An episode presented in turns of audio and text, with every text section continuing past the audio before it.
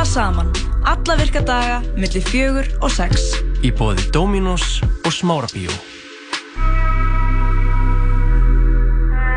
Fylgstu með þeim bestu takast á í Dominos deildinni. Við stöndum vaktina í allan vetur. Vertu með Dominos. Ég er ennþá rich, þess að sjá þetta séu Jólatónlingar, Jóník og Drippin 24-7 og Daniel Hvar? Á Gauknum 18 plus 20. des, 20 plus 21. des Kom á törnu upp með okkur Mía salan er á tix.is baby Let's go Hamburgerabúla Tómasar, hvað er að frétta?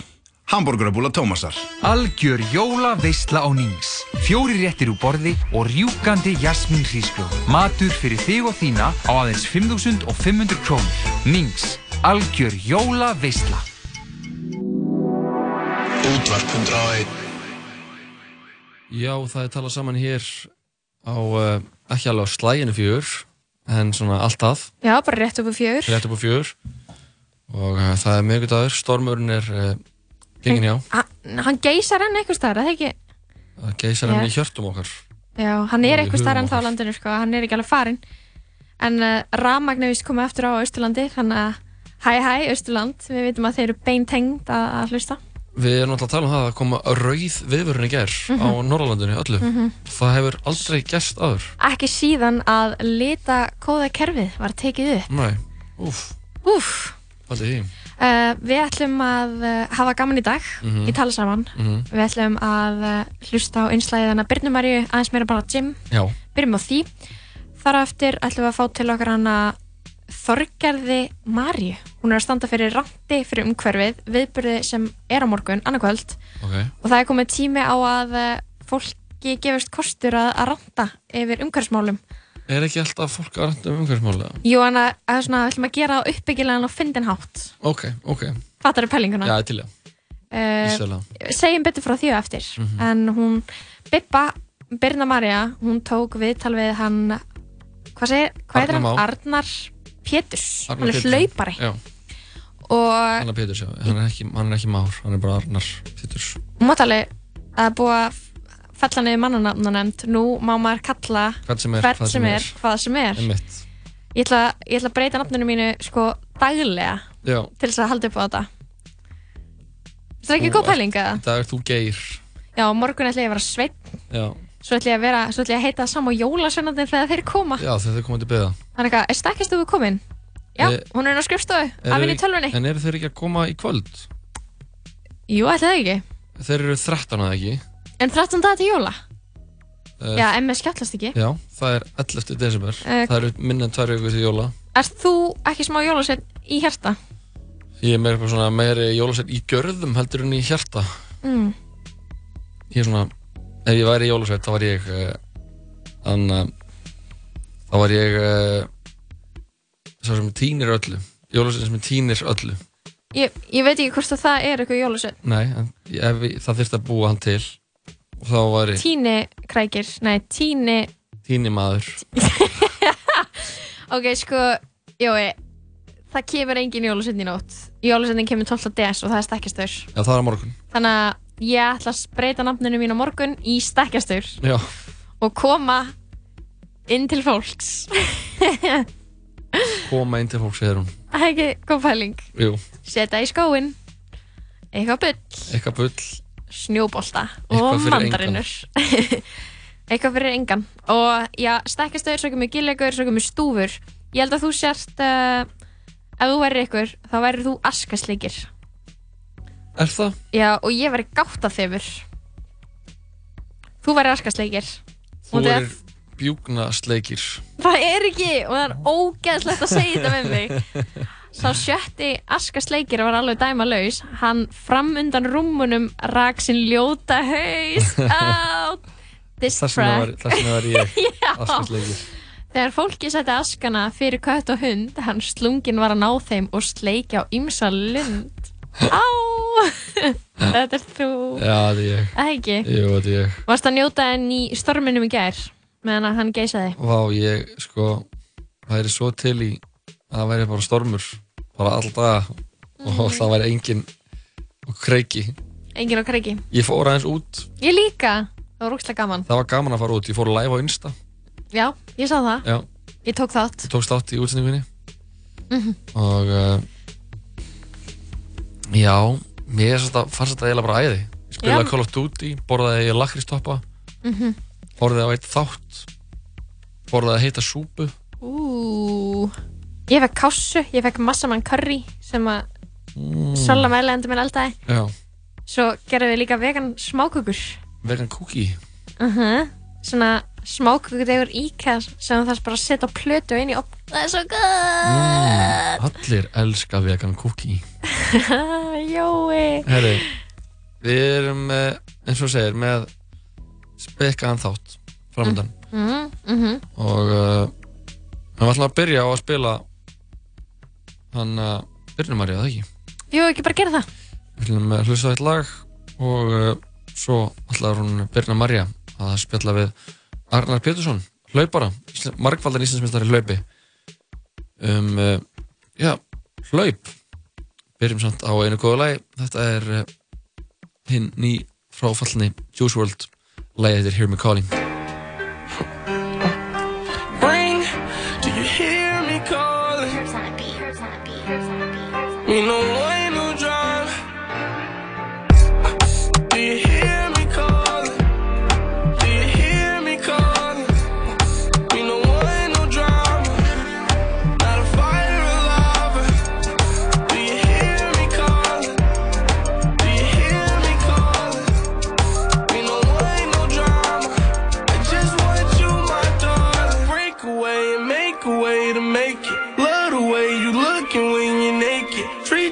Just like a blunt of OG. Roll it up, I kissed and I smoke it. Got to be joking. Where in the fuck did you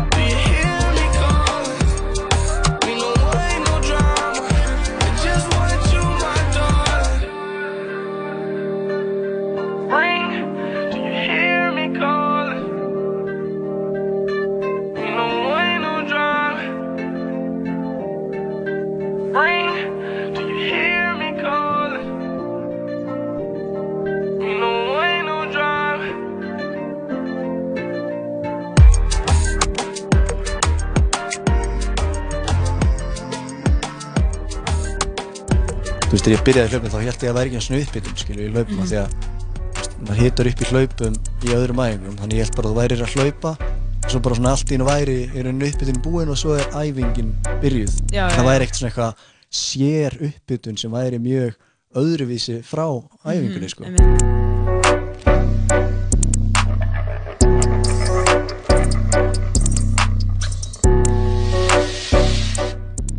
Alltaf að ég er að kynna fólk og að setja fyrir frá mig. Hvað, já, já. Nei, nei, við ætlum ekki að hafa þetta alltaf langt, en uh, hjá mér situr Arnar Pétursson, sjöfaldur íslensmestari í marathoni, er það ekki rétt sem er? Jú. Hleypur mikið og hleypur hratt, Já. hleypur langt Jú, jú. og varst að gera, gefa núna út bók sem heitir einfallega Hlaupabókin. Já, bara mjög spenntu fyrir því að gaman að fá þetta í henduna svona. Það Þetta ekki? Jú, þetta er svona smá svona tilfinning eins og hérna að þú væri að fá svona loka reitgernin í háskólanum í hendunar Mhm. en maður núna ætlar að fara að selja hana Um, sem er alveg svona skrítið þannig séð sko. en þú ert alveg búin að gera nokkra lokaritgerðir í háskóla, ekki? Jú, ég klárað einhverjar fjórar háskólagráður Og ertu ekki að gera neitt við þar? Nei, það er ekki gera, ég nei, held það það, held ekki, þú veist, þetta er allt í viðskiptafræði og hagfræði og eitthvað og endurskoðun og kennslu og eitthvað og tengist ekkert í hlaupum sko. Að það er svona sjálfummentun þar sko. Já, en uh, kannski einn daginn. Já, einn daginn, já, en það sko 60 einingar sem eru ónotaðar. Ok, ok. En Ég kannski hendi þeim inn í einhverja, einhverja ný, nýja gráðu sko. Já, um að gera. Ég bara, ég mana þig, sko. En allavega, þú ert, um, já, svona hlaupa geitin. Já, ég veit það ekki sko. Ég er svona vonandi að maður geti, já, farið að slá einhver Íslandsmeta á næsta ári í hálfu og heilu marathoni, það er svona Einmitt. aðalmarkmiði. Hvenær hljófstu síðast marathon? Bara núna í Reykjavík, þá hérna, á því að hvernig það breyttist svona stigakerfi, mjög flóki stigakerfi, hvernig þú ferði eiginlega inn á hérna, olimpíuleikana og þá svona eiginlega var best að hlaupa í Reykjavík marathonu, þótt að, að því að maður fæði svona aukastig. Og hérna, þá hljópi ég á besta tíma sem hefur verið hlaupin á íslenskri grundi. Og hljópi á 2 klukkstundir og 23 mínútur. Og já, var bara eitt frá upphæði sem var ekkert eitthvað skemmtilega sem hún gerir í marathonu sko. En markmiðið var undir 20, eða 220. Já, svona, þú veist, í haustnum en það er bara þegar þú ert að hlaupa einn og í, á Íslandi er ekki eitthvað bestu braut í heiminum þannig að veist, maður var mjög sátt við bara eitthvað að bæta sig og Mhm. já, eins og segi, hlaupa á besta tíma sem er hlaupin hérna á Íslands grundum, maður er ekki að eitthvað að gráta það sko. Einmitt. Og hérna, en þú ert ekkert búin að hlaupa marathon síðan? Nei, ekkert marathon síðan, ég er bara næsta marathon er bara í byrjun apríl á næsta ári í Rotterdam Einmitt. Þá verður markmið að hlaupa vel undir Íslandsmetinu sem er 2 og 17 12 Það verður- 2 og 17, 12, er það Kári? Nei, Já, Kári. Einmitt, magnað. En uh, við ætlum að tala um svona rýmislegt sem ég langar að snerta á og kannski fyrst og fremst svona byrjandamistök, algeng byrj- byrjandamistök og, og svona bætingar og okkur svo leiðis og uh, við þurfum bara að fara að byrja þetta, keið í gang. Um, segðu mér eitt, hvað er svona algengast að fólk klikki á svona til að byrja með? Já, náttúrulega klassíska sem að fólk heyrir að þú veist fara nógu hægt að stað Mhm. en það er síðan tventana sem hún getur sko bætt við það er að vera ekki með nógu mikið langtíma markmið það er að segja oft vill fólk einhvern veginn komast í gott hlaupafarm á bara þú veist hálfu mánuði eða mánuði eða tvei mánuði með eitthvað veist, það er bara of stuttur tími til þess að þetta geri eitthvað almennilega mikið fyrir þig. Og síðan er einni hitt sem að kannski fólk klikkar átt á er hérna að vera með svona tilgangin á bakvið æfingarnar á hreinu. Og þú veist hjá mér bara þegar ég, ég hef lent svona tvisvar í kannski það sem ég hef ekki alveg verið klárað í hvað næsta markmið væri. Mhm. og þá einhvern veginn var bara veist, æfingar sem að var að taka á því tíma maður var ekki alveg klár með næsta markmið umbulega leiðilegar, þú veist það var bara leiðilegt skilum á einhvern veginn að hvað er ég að gera eitthvað? Því þú varst ekki einhvern veginn með þetta í hausnum. Bara af hverju ert að fara og taka æfinguna? Og það er einmitt þú veist það sem ég vil gefa með hlaupbókinu svolítið að þá koma allir svona tilgangurinn á bak við allar æfingar. Og síðan náttúrulega er hitt veist, það sem ég svona opnaði svolítið fyrir fyrir kannski einu og hálfa ári síðan að fólk geti komið og veist, í hlaupa þjálfun hjá mér að gera hlaupa prógram sem ég var ekkert að gera veist, mikið fyrir en síðan bara er það mikil eftirspurn og síðan veit maður að það sem maður er að segja er það virkar. Mhm. og það bara er mjög gaman að sjá um þetta fólk bara já, ok, er þetta svona? Og er í rauninni miklu það er miklu auðveldara en fólk heldur að komast í mjög gott hlaupaform ef þú gerir það rétt Einmitt. frá byrjun. Og það er bara það er alveg, já eins og ég hérna, sagði ráðan hérna, svona sögur af fólki sem að, þú veist, hefur kannski fengið þú veist, áttavina hlaupaprógram verið í viku tvö og svona fletta áfram í prógraminu á viku átta og síðan æfingu kannski sem það átt að gera þar. Og bara, það er ekki fræðilegur að ég meni geta gert þess æfingu.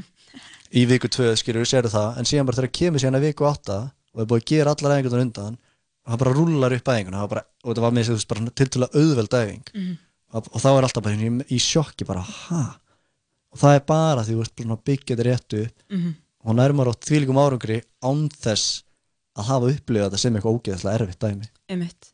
og kannski auðveldlega að byrja og veit ekki neitt og þá ertu bara ok, ég tek 5 og svo tek ég bara 6 og svo tek ég bara 7 og svona, veit ekkert kannski beint hvað átt líka að gera við líkamann við Mhm. að hlaupa þetta er náttúrulega mikið álag Já, það, og það er, þú veist, mismunandi kerfi inn í líkamann, þú veist, við erum með mismunandi vöðvaþræði, við erum með, þú veist, við erum með mismunandi, hérna, veist, brennslu á, hérna, þytu og, og kolvetnum og við erum með mismunandi hvernig við tökum upp súrefni, veist, hvort, hvort þú ert að vinna í, mjölkusýru eða ekki mjölkusýru eða, og, og þetta er allt sem hægt er að þjálfa og síðan er, þú veist, hvernig og hvort þú ert að bera eins og þegar þú ert að hjóla, þá ert að þjálfa líka með að bera súrefni í vöðvana í hjóla hreyfingunni þegar þú ert að hlaupa þá ert að bera, æfa líka að bera súrefni í hlauparhefingunni Mhm. mm veist, þetta er ólíkt Einmitt.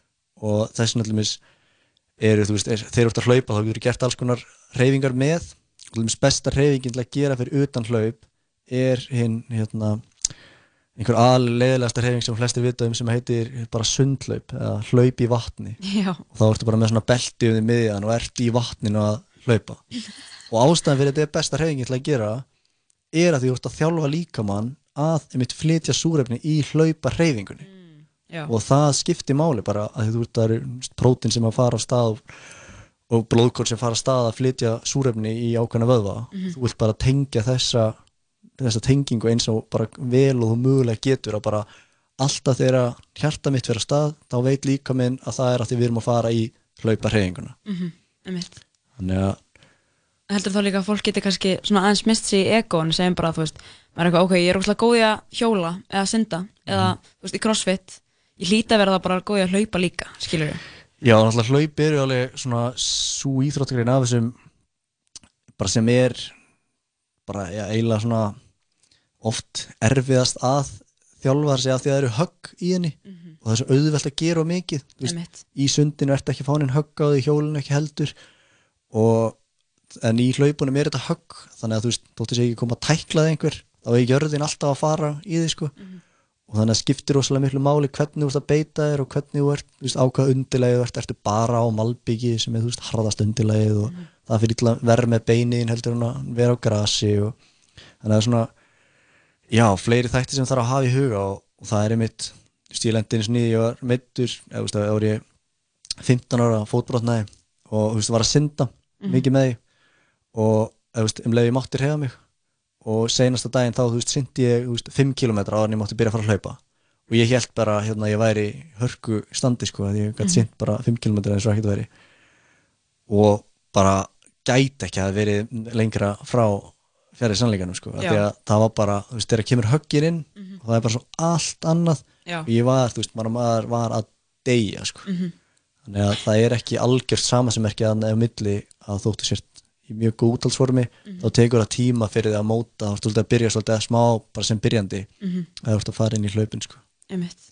en eins og að vera, þú veist ef maður langar svona bara að bæta hlaupinu aðeins við því að ég nú veit ég líka bara fólk er oft bara með einhver þú veist, lítil markmið, bara eitthvað að tjekka einhver box, bara mér langar eitthvað tíma að lifta þessu, mér langar eitthvað tíma að hlaupa marathon og, og svo framvegis Já. að er hægt að vera góður í hlaupi en vera samt að æfa eitthvað annað með ja, bara 100% þú veist það getur virkað veist maður er að þjálfa alls konar fólk sem er þú veist synda hjóla eða í crossfit eða bootcamp Mhm. eða bara rektinni og sérstaklega einmitt með fólk sem er eh, hefur verið í svona já, crossfit og bootcamp og hérna bara reyfingu sem er bara hérna af mikilli ákjæfð stuttan tíma, Mhm. stuttan kvildir þú veist, þú veist alltaf í mikilli keislu Mhm. og það er svolítið mikilvægt fyrir þetta fólk er að þau eru búin að þjálfa líka með sinn aðeins vittlust, það er að Mhm. segja að alltaf þegar líka með þinn þegar það hjartað þitt byrjar að slá þá veit líka með þinn að hann er að fara í hámarks ágæð eins og þú ert vöðun að gera á öllum æfingum Mhm. og það sem að þetta fólk lendir oft í og maður þarf að vinna í rauninni já bara fyrstu kannski það getur tekið 2-3 mánuði að ná þessi rétt en það er að, ef ég myndi segja er að byrja að skokka bara mjög rólega bara Mhm. beislíðin sem við segja oft bara að reynda að setja Íslandsmeti að hlaupa hægt Mhm. Að þá er mjög algengt hjá þessu fólki að púlsinn fari mjög hátt upp þótt að sé að fara ógisla hægt áfram. Að þannig bara líka hann er bara alltaf búin að fá þessi bóðumni kannski 1-2 ári eða meira veist, að um leið og þú ætlar að fara að hreyfa þig þá veit hann, þá er hann bara að vera tilbúin með hjarta bara því að hann, veit, hann heldur að það sé alltaf að fara að koma einhver sprengja í gang. Mhm. og það sem gerist líka oft þarna er sem þess að þú ert bara í kolvetnisbruna. Þú ert bara að brenna kolvetna að þegar þú ert í þessar hámasákið þá ertu basically að brenna 99% kolvetnum á móti 1% fytu og þannig að það vantar svolítið að virkja oft fytu brennslu kerfið hjá fólki sem er búið að vera mikið þannig segingu þannig að það þarf oft að byrja bara veist, það næstu því bara eins og segi bara skrefi fyrir ofan lapp mm Mhm. það þarf aðeins að bara svona virkja fytubrennslu kerfið upp á nýtt þeim svo að koma svona aðeins meira jafnvægi á líkamann. Alveg eins með skilur fólk sem hefur bara verið að fara óksla rólega þá er það oft með ekki nógu virka bæði kólvetsbrennslu og hérna sem sagt virkni í stuttum sprengikraft vöðaþráð kunna þá ekki að nota þessa stuttu vöðaþræði þannig að þá þarf maður oft að vinna í því að, að láta þess að gera reyfingar það sem að eins og ég kalla hámarks ákjæðar brekkspretti það sem hún bara ferði mjög bratta brekku og eru kannski 6-10 sekundar sprettir Mhm. með alveg 2 mínútu á milli bara til þess að fá til að virkja þessa stuttu vöðaþræði að gefa líka honum í rauninni getur náttúrulega að nota 100% af vöðaþráðunum þannig að þetta er oft fólk sem einhverju crossfit það þarf oft að fara sérstaklega hægt til að byrja með og það er svona eiginlega aðal fókusin á það bara að koma kerfinu á réttan stað. Og þeir sem hafa bara verið að taka eitthvað rólegt það þarf ofta svona að láta þau taka þess hérna, á meiri ákveð til að virkja fleiri vöðatræði ok, ok, ok. Þannig að það eru miklar pælingar þarna á bakvið sko. Já, ég trúi því. En nú veit ég líka að fólk er þú veist, það er að koma áramót og fólk er ofta að setja sér uh, markmið oft svolítið háleit markmið líka. Og núna er rúglega margir sem er ok, ég ætla að laupa í næsta, næsta Reykjavík marathóni, til dæmis ég, ég er Mhm. bara, ok, ég ætla að gera og ég er að segja bara núna, neða allir, allir vita. Að hann um, er ekki algengt að fólk líka fara svolítið geist að stað þegar það setur sér veist, markmið og sérstaklega þetta er svona rosalega langt fram í tíman hvað, þú veist, hvað ætti ég til dæmis að byrja að gera bara fyrsta jan? Jú, það er einmitt, það er eitt svona, þegar að fólk kemur átt til minn í hérna þjálfun að þá, það sem að mér finnst gott sko að gera eða það sem er rauninni basic fyrir alla að gera, það sem allir ætti að gera rauninni fyrstu svona fjóra til sex veikunar Mhm. er bara að setja sér það markmið að fara þrísvöldi fjóra sinum út í viku fara, setja Íslandsmet í því að hlaupa hægt í hvert Mhm. einasta skipti og þetta væri basically einu æfingar sem þú ættir að gera í fjóra til sex vikur og þetta er og síðan og síðan myndir þú kannski fá eitthvað meira prógram. Það er það sem þú ert að gera þarna. Náttúrulega fyrsta lagi ertu svona að venja líkamann bara aðeins á höggin. Það er bara rosalega stór partur af þessu er að því að þú ert að bara svona láta beinin vera sterkari láta liðina hérna, geta tekið á móti höggunum og líka síðan ert að þjálfa þú veist hjarta á þér hægt og bítandi og, og þjálfa líka mann að flytja súrefni í þessari hérna, hlauparhefingunni og virkja fytubrennslukerfið og svo ertu tilbúin að fara kannski aðeins meiri hraða. Þannig að það sem ég myndi að ráðleggja sem að flestum er að þegar þú byrjar að setja þér bara nú, ok, nú ætlum ég að setja mér það markmið að vera núna í fjóra vikur og fara þrjusvöldu fjórusunum í þú veist, 30 til 60 mínútur út að hlaupa. Bara hægt. og bara og reyna ég mitt að setja veist, þessan reyna að fara alltaf bara hægar og hægar í hverju hlaupinu sko. Mhm. það fyrsta hlaupið þitt það mun pottið vera ofrætt sko, því að maður er eitthvað svona peppaður og reyna að fara bara að bæta því alltaf þannig að þú farir hægar í næsta hlaupi Mhm. akkurat öfugt við það sem flesti gera reyna alltaf að fara aðeins hraðar og aðeins hraðar í hverju einasta hlaupi heldur bara að þú fyrir aðeins hægar í hverju einasta hlaupi bara þessar fyrstu fjóru til sex vikur og þá ertu komið rosalega svona góðan grunn til að byrja að byggja á að þá ertu að byrja réttum enda á svona æfingaferlinu Mhm. En ekki byrja á því að hérna, ég ætla að hlaupa 10 km á undir klukkutíma og þá ætla ég að hlaupa í dag 1 km á 6 mínútum. Mhm. svo á morgun ætla ég að hlaupa 1,5 km og reyna þá að vera 9 mínútur og reyna svona eitthvað sem að margir gera sem er svona alveg klassísk hugsun skilur, já, og þá einn daginn mun ég hlaupa væntalega, en þú mynd bara hitta á veggin mjög snögt sko. ég hérna, hefði bókað gert það sko. Farið eitthvað svona, tekið tíman og verið eitthvað já, eitthvað hugsa gett mikið um eitthvað pace og eitthvað þannig dót sko. Ég hérna, get alveg óþað fyrir það. Af því ef þú getur hlaupið hægt til þú átt að hlaupa hægt, veist, mm Mhm. það er náttúrulega mismunandi tegundar æfingum. Það er eitthvað sem ég fatta ekki þegar ég kom í hlaup ég held að, þú veist, þegar ég byrjaði í hlaupum þá held ég að væri ekki svona uppbytun, skilur, í hlaupum mm Mhm. því að, þú veist, maður hitar upp í hlaupum í öðrum æfingum, þannig ég held bara að þú værir að hlaupa og svo bara svona allt í einu væri er einu uppbytun búin og svo er æfingin byrjuð. Já, já, það væri ekkert svona eitthvað sér uppbytun sem væri mjög öðruvísi frá æfingunni Mhm, sko. einmitt. það er bara þú veist náttúrulega væntalega er bara mjög mikla pælingar varandi hlaupa uppbytun sko þannig að það var einmitt í einni hérna bók sem að maður las svona, sem var svona ekkert sérstaklega djúpt fari í hlaupin að þá var þú veist bara þrjár línur um uppbytun Mhm. að það getur verið gott að hita upp fyrir hlaup að þú veist það er alls ekki nóg djúpt farið í það en þú veist eins og í, í hlaupbókinu þá er alveg þrjár fjóra blaðsíður sem er Mhm. bara um uppbytun og hvernig þú getur sett uppbytuna rétt saman og hvað hún er að gera fyrir því, þú veist hvað er að gerast í líkamannum að þér Einmitt. og bara er það ekki bara þú veist líka að svolítið að opna tegja, opna meðmyndnar og allt svona eitthvað þú veist Jú, en sérstaklega síðan er þetta líka, þú veist, bara hvernig þú gerir, þú veist, hvað tekur þig langan tíma til dæmis eins og að bara þegar þú fer að stað, Mhm. þú veist, ef maður fer eitthvað svona tæknilegt tungumál, þú veist, þegar þú fer að stað, þá finnst oft fólki, þú veist, fyrsta ein, tvæ mínúndan svona vera sem á skrítin, sko, Mhm. en það sem er að gerast þá er líka minn er að skipta um kerfi, hann er að fara úr einni loftfyrðu sprengikraftskerfi til að Mhm. koma þér að stað og fara í loftháð kerfi, þú veist, loftfyrti er þá þarf ekki súrefni til að láta það virka og loftháð þá þarftu súrefni og það getur tekið, þú veist 6-8 mínútur að skipta alveg yfir í loftháða kerfi sem þú ert að að vinna mest á æfingunni Mhm. og síðan, þú veist, þú tekur eins og að taka hraðauknir og veist, hvað það er að gera að það er rauninni að, að fá kvatberan inn í frumunni til þess að vera tilbúinur að bera orku á milli. Til að þeir séu allir við frumið veggina tilbúinur að veist, bera orku. En þú veist, þú ferði eitthvað svona boring, svona tæknilegt en þú veist, það, og síðan ef þú myndir taka skilur 2-3 mínútur á mjölkusýru þröskuldshraðanum þá ertu að líka kveikja á því kerfi einu sinni að já ok, við erum að fara að vinna orku úr mjölkusýru þú veist, sem að hérna, líkingi fyrir það er bara eins og ert í verksmiðu Já.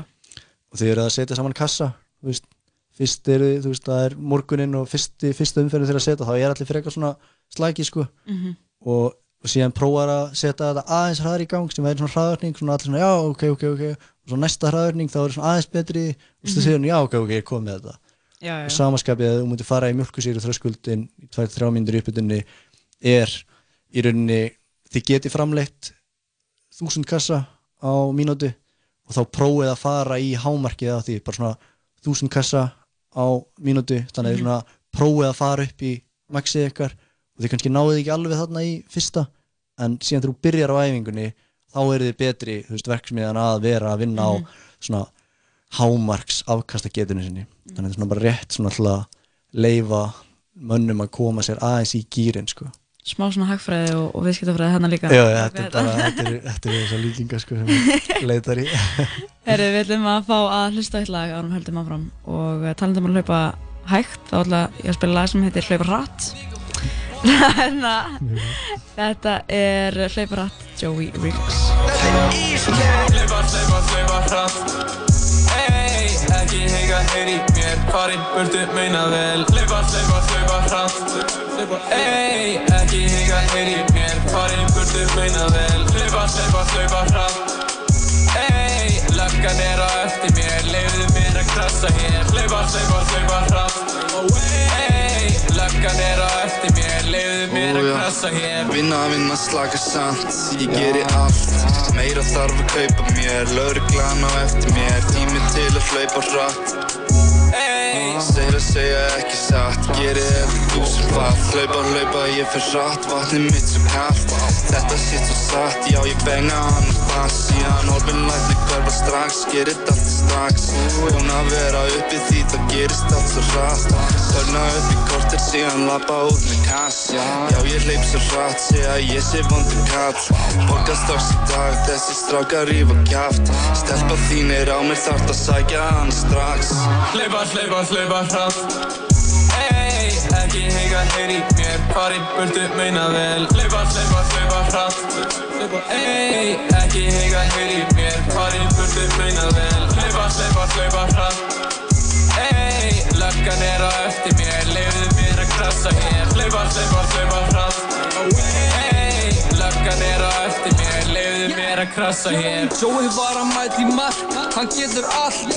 Rata er á feysinu, hann heldur niður í pleysinu Ég fatta þetta fokkin strax, sem ég haks Ætla ekki að hætta, bara halda fram að toppa mig. Skur, skur, úsæn bort, mikið spenna, þúsund boss þig úti, þig inni, þig eins og anda hindri Ég gerir þetta ekki svo ég ekki fokkin sjens Men ekki að labba lengur, þarf að fara að kaupa bens Hlaupa, hlaupa, hlaupa rátt, þið gerir eitt, ég margt Í tísku fötum og rósasmart, fæ medalíi, það er fakt Fer ekki í tímið, fer í Peter Fólk að byrja upp við mig eins og Joey, ég sé Jesus. Hlaupa, hlaupa, hlaupa hratt Ey, ekki heyga heyr í mér Farin burtu meina vel Hlaupa, hlaupa, hlaupa hratt Ey, ekki heyga heyr í mér Farin burtu meina vel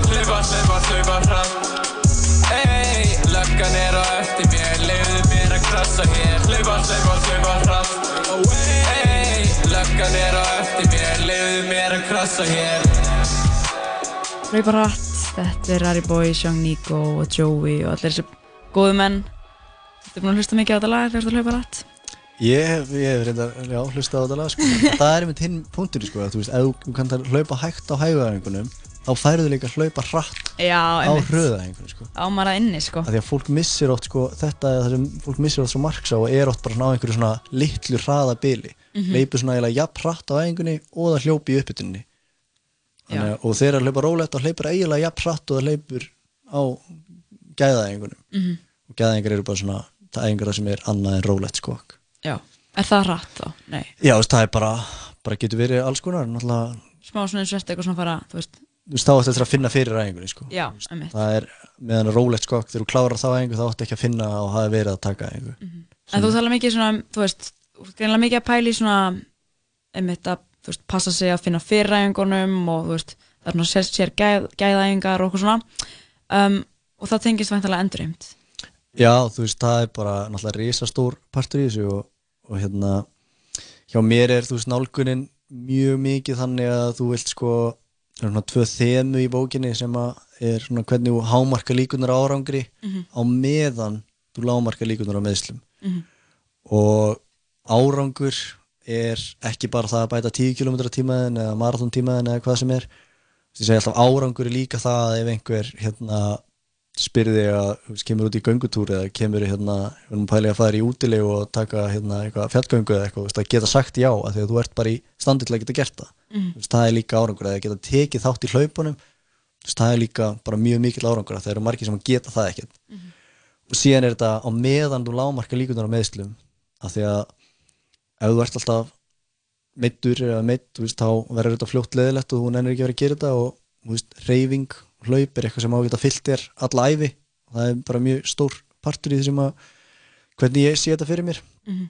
af því að þú getur alveg náð góðum hlaupárangri með því að fara bara út og hlaupa eitthvað. Mhm. og en það er mjög góða líkur að þú hættir fljótlega að bæta þig eða þú með þig. Og síðan í hinpunturinn er að hvernig hámarka líkunar á ánægi og gleði út frá hlaupunum en lám á meðan þú lámarka líkunar á vombriðum af því að þú ert alltaf fyrir vombriðum og finnst það leðilegt við gerum bara leðilega hluti í takmarkaðan tíma sko. mm. það mun koma þegar við hættum þessu og þá Einmitt. kemur inn í skilju svona markmiðasetning og, og líka bara einmitt, þú veist, endurinn af því að þú ert alltaf að fara á æfingu þreytt eða þreyttur Mhm. þá ertu að fara að eiga lélega æfingu og þá ertu að vera að vera vombriðum og þá ertu að fara að meiðast og þá verður þetta, þú veist, hættur Mhm. þannig að það er hinpunkturinn sko að hvernig hún nærði í rauninni í bætingar þetta er bara mjög svipað eins og með liftingar þú liftir ekki bara backpressu sex dagi röð. Þú veist, það, það vita það allir að það er ekki að fara að leiða þig í hérna góðan árangur. Mhm. en samt eru margir sem hlaupa sex daga kannski röð mjög svipaða veist, svipað erfiða æfingu sem er ekki rólegt sko. Heldur alveg þokkalega erfið æfing Mhm. og halda þessi að gera ekki eftir gott mót sko þegar þeir eru að hlaupa alla dagana. Já, ég held að þetta sé mjög algengt. þau eru bara nákvæmlega sem eru að gera er bara eitthvað að fara í backpressu hérna sex dagi röð sko sem Líka er oft svona eins og fólki finnist hlaup kannski vera bara eitthvað, æ, ég fyrir bara út að skokka. Já, en það var svo ógíslega erfitt með að fara of hratt í þessu skokki Mhm. að það er í rauninni ekki að ná í endur, að því að það er sem rólega skokki gerir líka fyrir, þú ert í rauninni að ná svona þessa virka endurinn Mhm. og oft, veist, fyrir marga þá er þetta rólega skokk bara lapp, að því að það sem þú ert að gera, þú ert bara að halda blóðin og hreyfingu og þú ert að leifa líkamanninu að vinna úr æfingunni sem þú varst Mhm. að taka og það er til dæmis punktur sem að hérna, svona líki sem ég tek er til dæmis ástæðan fyrir tökum niður skokk eftir erfið aðeingu sem þú veist að taka erfið aðeingu og veist að myndaðist mjólkusýr í líkamannum og, og, og þú ert hérna og þú sumi myndir bara, þú veist, já, búum aðeinguna stopp og farin.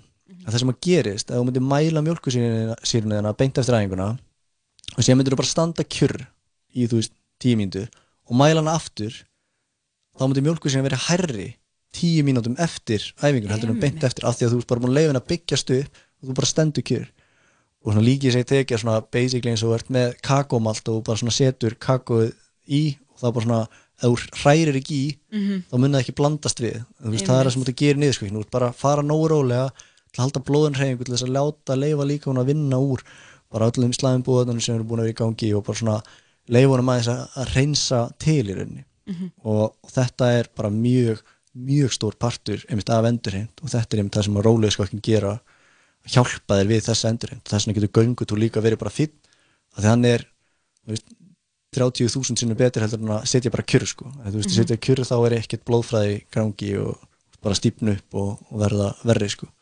einmitt, segir þú og situr hérna kyrralega Já, en sko, eins og með þetta þá voru líka eins og auðvelt ef maður er að hlaupa eða skokka, maður er bara eitthvað svona að skokka, kemur heim og þú veist, þú ert bara vilt náttúrulega að taka mynd af úrnu og sína lengstu, þú veist, vegalengdina Ja. uh. skilur þannig að þú ert bara komin upp á dyrum og þá er svo auðvelt ef bara að fara inn og bara, já, ég er búinn Mhm. en það rauninni eftir maður þá að halda kannski áfram að taka bara eina ferð fram og tilbaka bara Já, það er svona út götuna, sko. eitthvað bara labbandi og Já, þess vegna sko, ef þú veist að taka svona einhverja hörkuæðingu, þú veist, ef þú veist að klára einhvern brekkusbrett, þá ættir ekki bara að klára hann og, og fara svo inn, þá ættir aðeins að þess vegna bara að labba, sko, það þarf ekki svona að vera á sért að hlaupa, bara að halda þér aðeins á hreyfingu. Og það er einmitt, síðan er hinn punkturinn að hafa þess þennan rétta tíma á milli gæðaðinga, Mhm. af því að þetta er bara eins og með liftingar að daginn eftir mjög erfiða hlaupaðingu ertu lélegri hlaupari.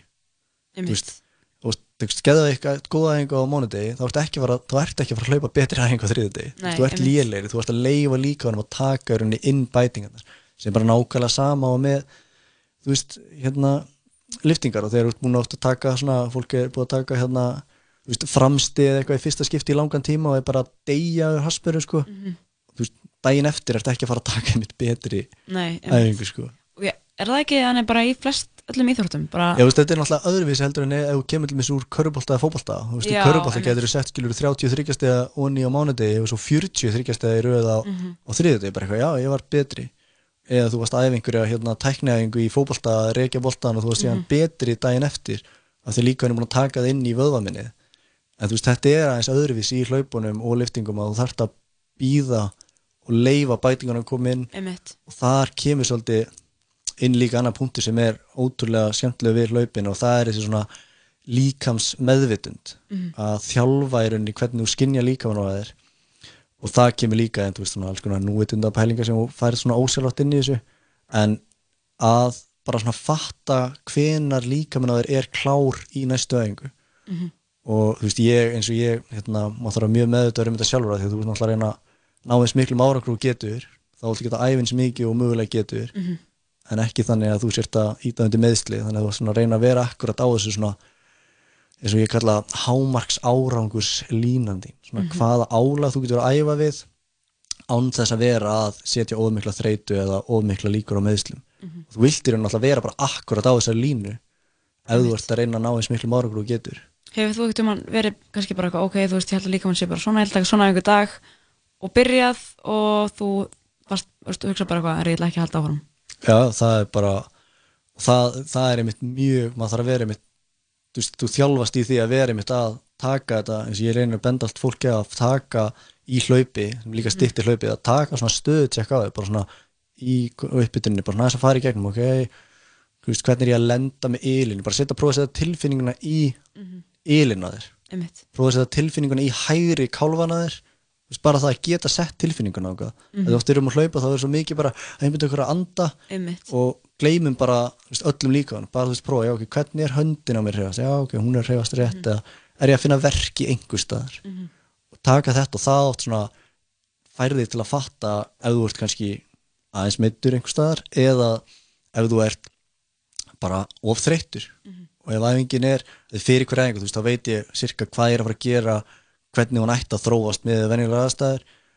Og ef það er allt bara í ruggli þá, þú veist, eins og ég fyrir eftir hverjaðingu þá ætti að vera einnig pace, púls og feelingur. Pace er bara einnig hraðin sem er kannski, þú veist, eins og fólk talar um 5 pace, þú veist, þá ertu með 5 mínútur með hvert kílómetrin Mhm.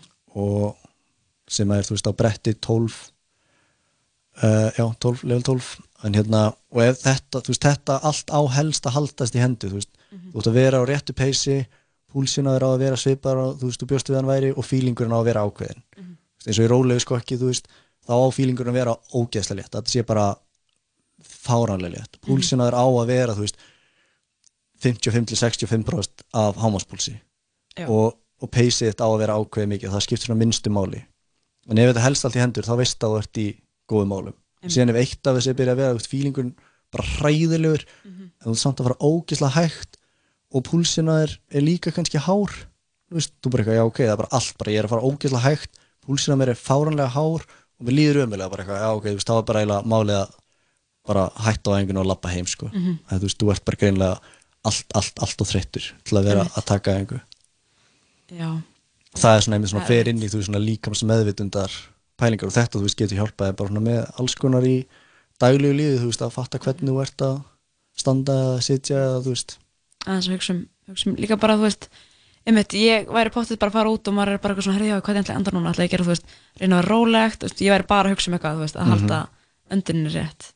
En sko, það er eitt í þessu, að á sömurinn er voða gaman að laupa og fara út í sólina og, og vera eitthvað, og allir sjá mann eitthvað, laupa og eitthvað hérna. Þannig en á vetnar þá er kannski ekkert eitthvað geggja hlaupaður, þú veist, þessu staðan núna, þá er bara eitthvað Já. snjór úti um, og þá þarf maður kannski að henda sér á hlaupabretti. Hvað hérna, uh, flestir hata náttúrulega hlaupabretti bara. Já, hvað hva hann var að gera til að bara dyrka hlaupabretti já hlaupabretti er svona það er svona já, skrið, sko leiðilega sem þú gerir einmitt sem hlaupar er þessi sundlaup það er einhvern veginn, þú hreyfist ekki þú ert bara einhvern veginn höfuð er svona fljótandi yfir og fólk horfir að það bara hvað er það er mjög að? skets Já. ég myndi fara þarna í sundlaup sko. Já, ég elska það þegar fólk er bara eitthvað hvað er að? Og síðan er ég alltaf að spura þegar ég er að gera þetta hvað ertu mittur að hlaupar að gera þetta þegar þeir eru mittir Mhm.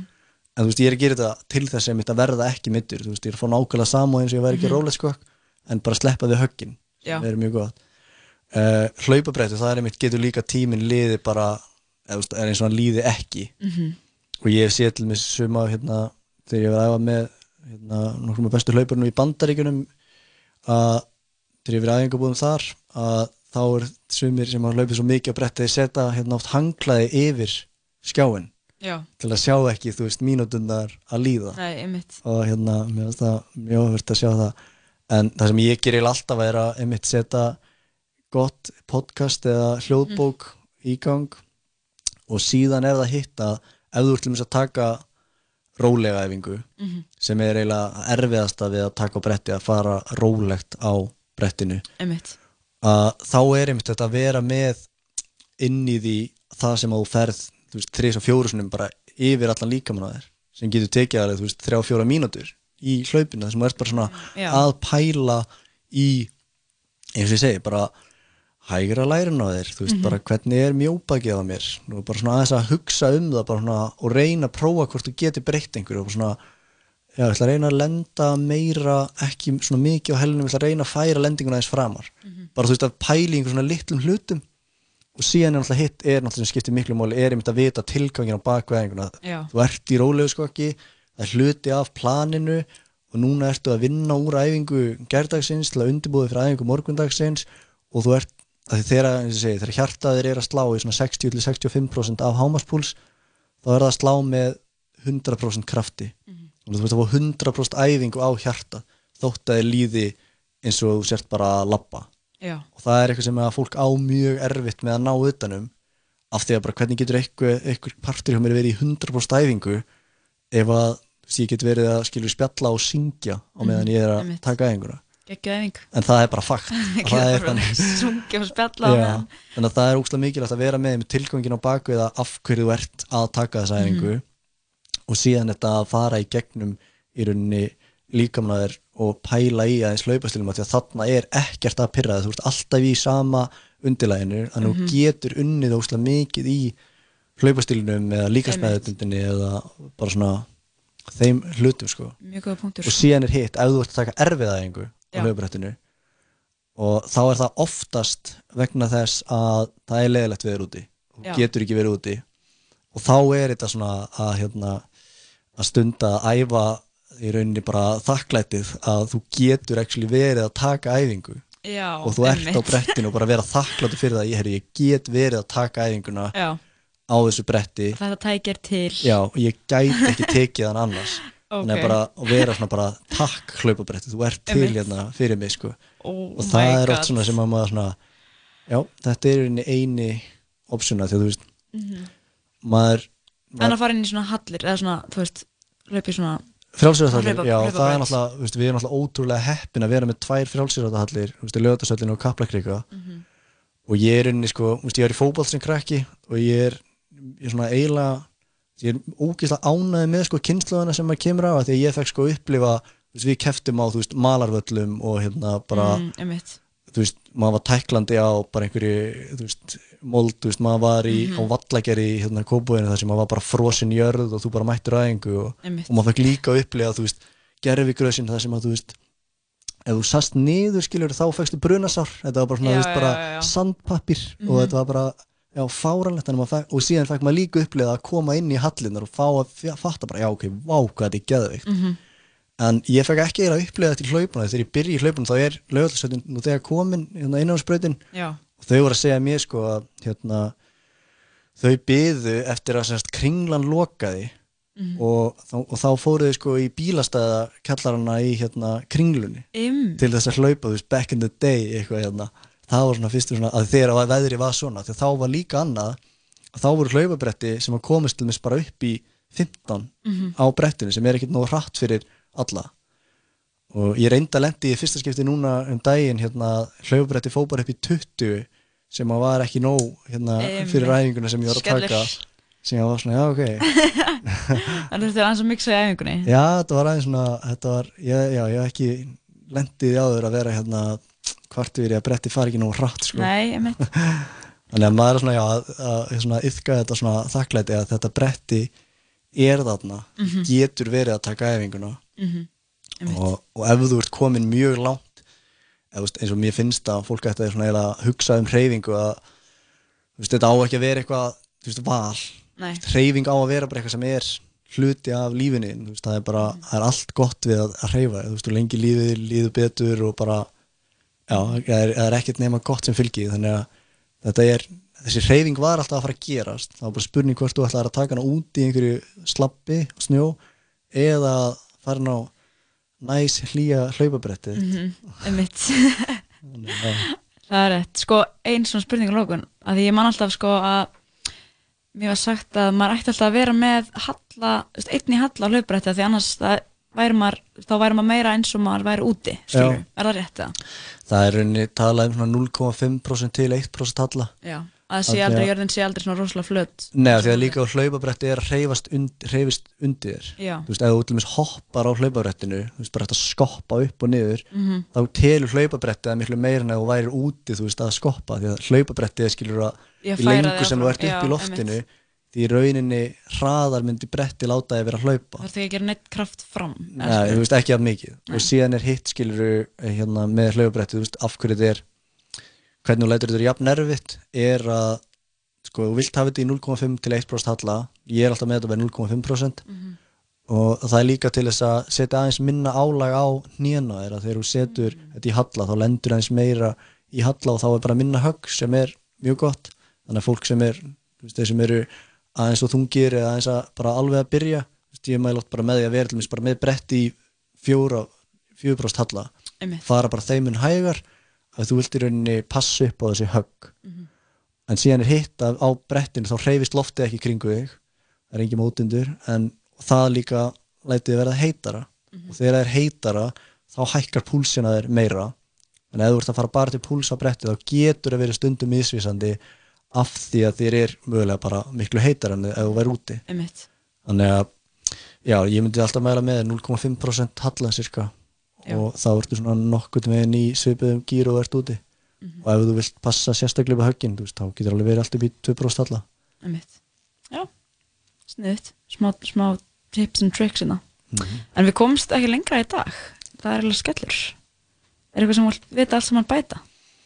Uh, nei, bara kannski að plugga bókin í lókin að laupa bókin Já, er- er í- þessari bók. er í flestum, eh, ef ekki öllum vestlunum og, hérna, Kannski er hann bara búinn Já, ef það er einhver sem á, ef ég þekki einhver sem á hlaupa sko, eða því ég hefði átt hlaupa sko, þá myndi ég mæla mjög mikið með þessari bók.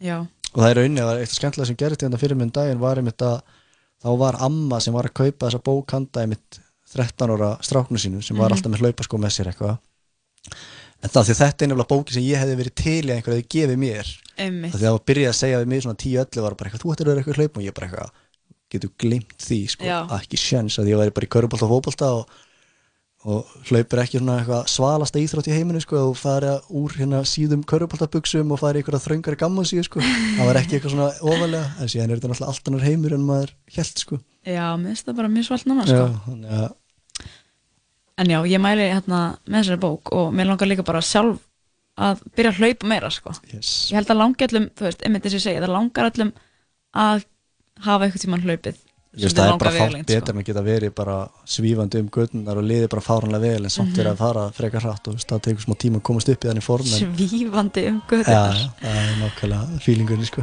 Er þú bara um lagið Runaway, You and I, hvað hann af hverju er þetta lag? Þetta er bara peppandi lag og ef einhver er að taka góða æfingu núna þá munir þetta örgulega íta einn tvö skref áfram. Hefur skrifað áfram, en passa sig að það fyrir gefið sig. Já, Hrjón ekki yfir sig. Eru Arnar, takk kærlega fyrir komuna. Takk fyrir mig. Og bara allir út að hlaupa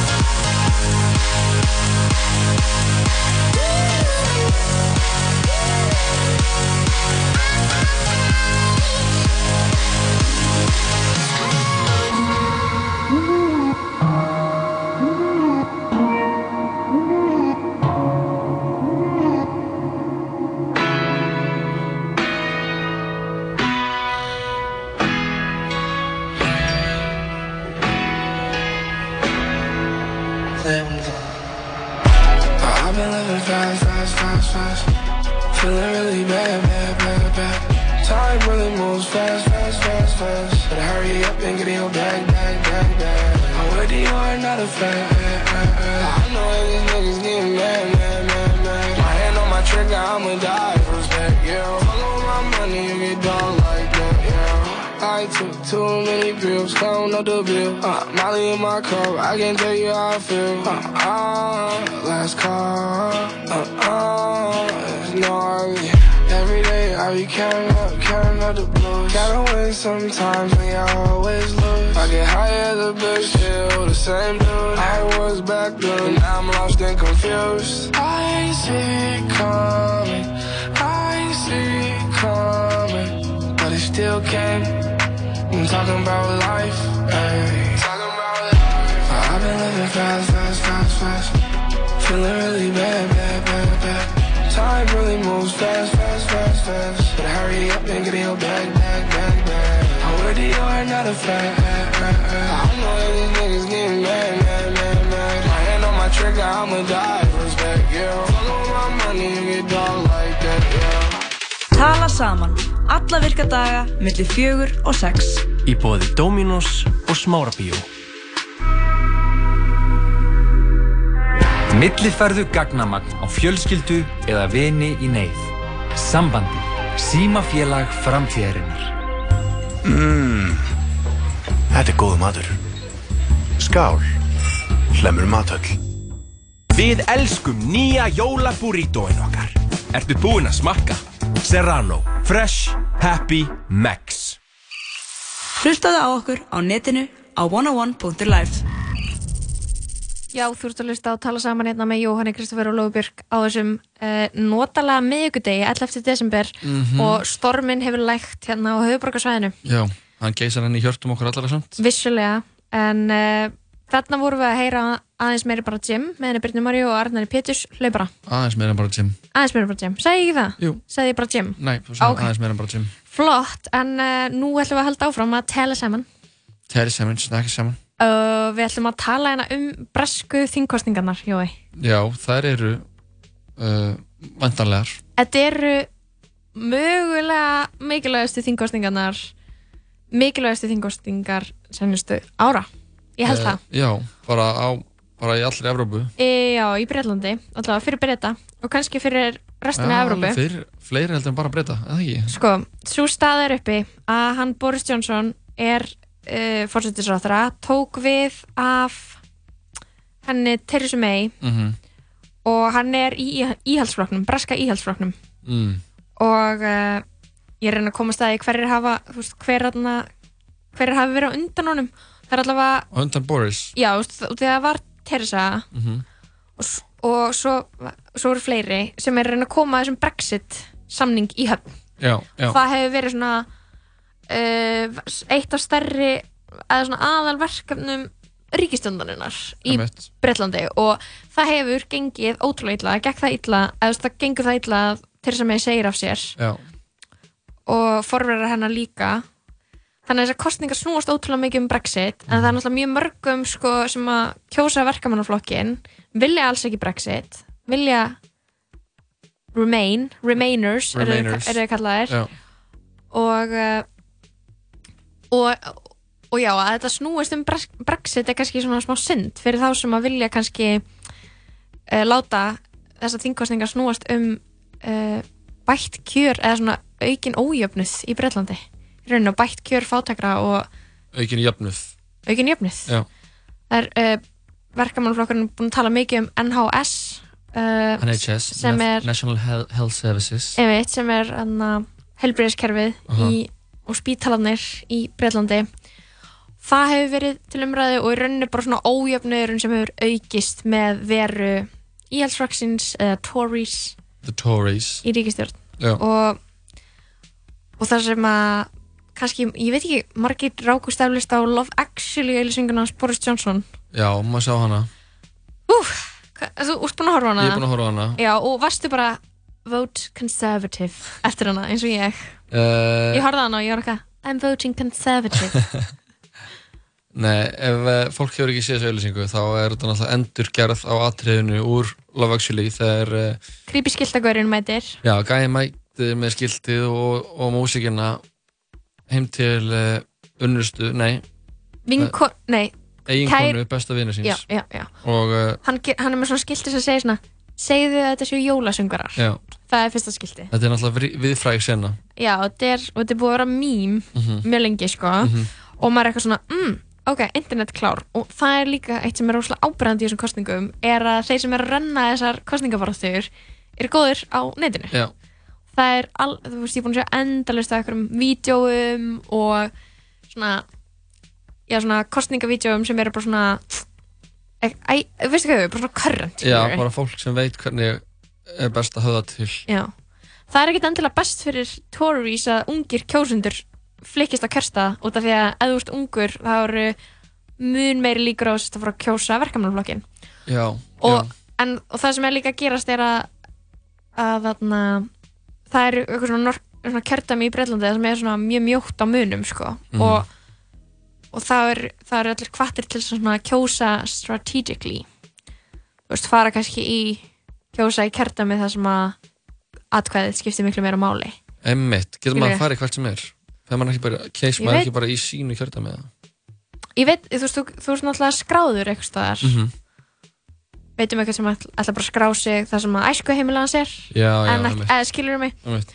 uh, ég veit ekki nákvæmlega hvernig það virkar í Breitlandi en uh, við þekkjum þetta líka á Íslandi Mhm. þú veist, þingmenn fara fram í kjördami þar sem að þú veist, hann er líklegri að fá fylgi, skilur Mhm. en ekki í Reykjavík eða eitthvað svona Mhm.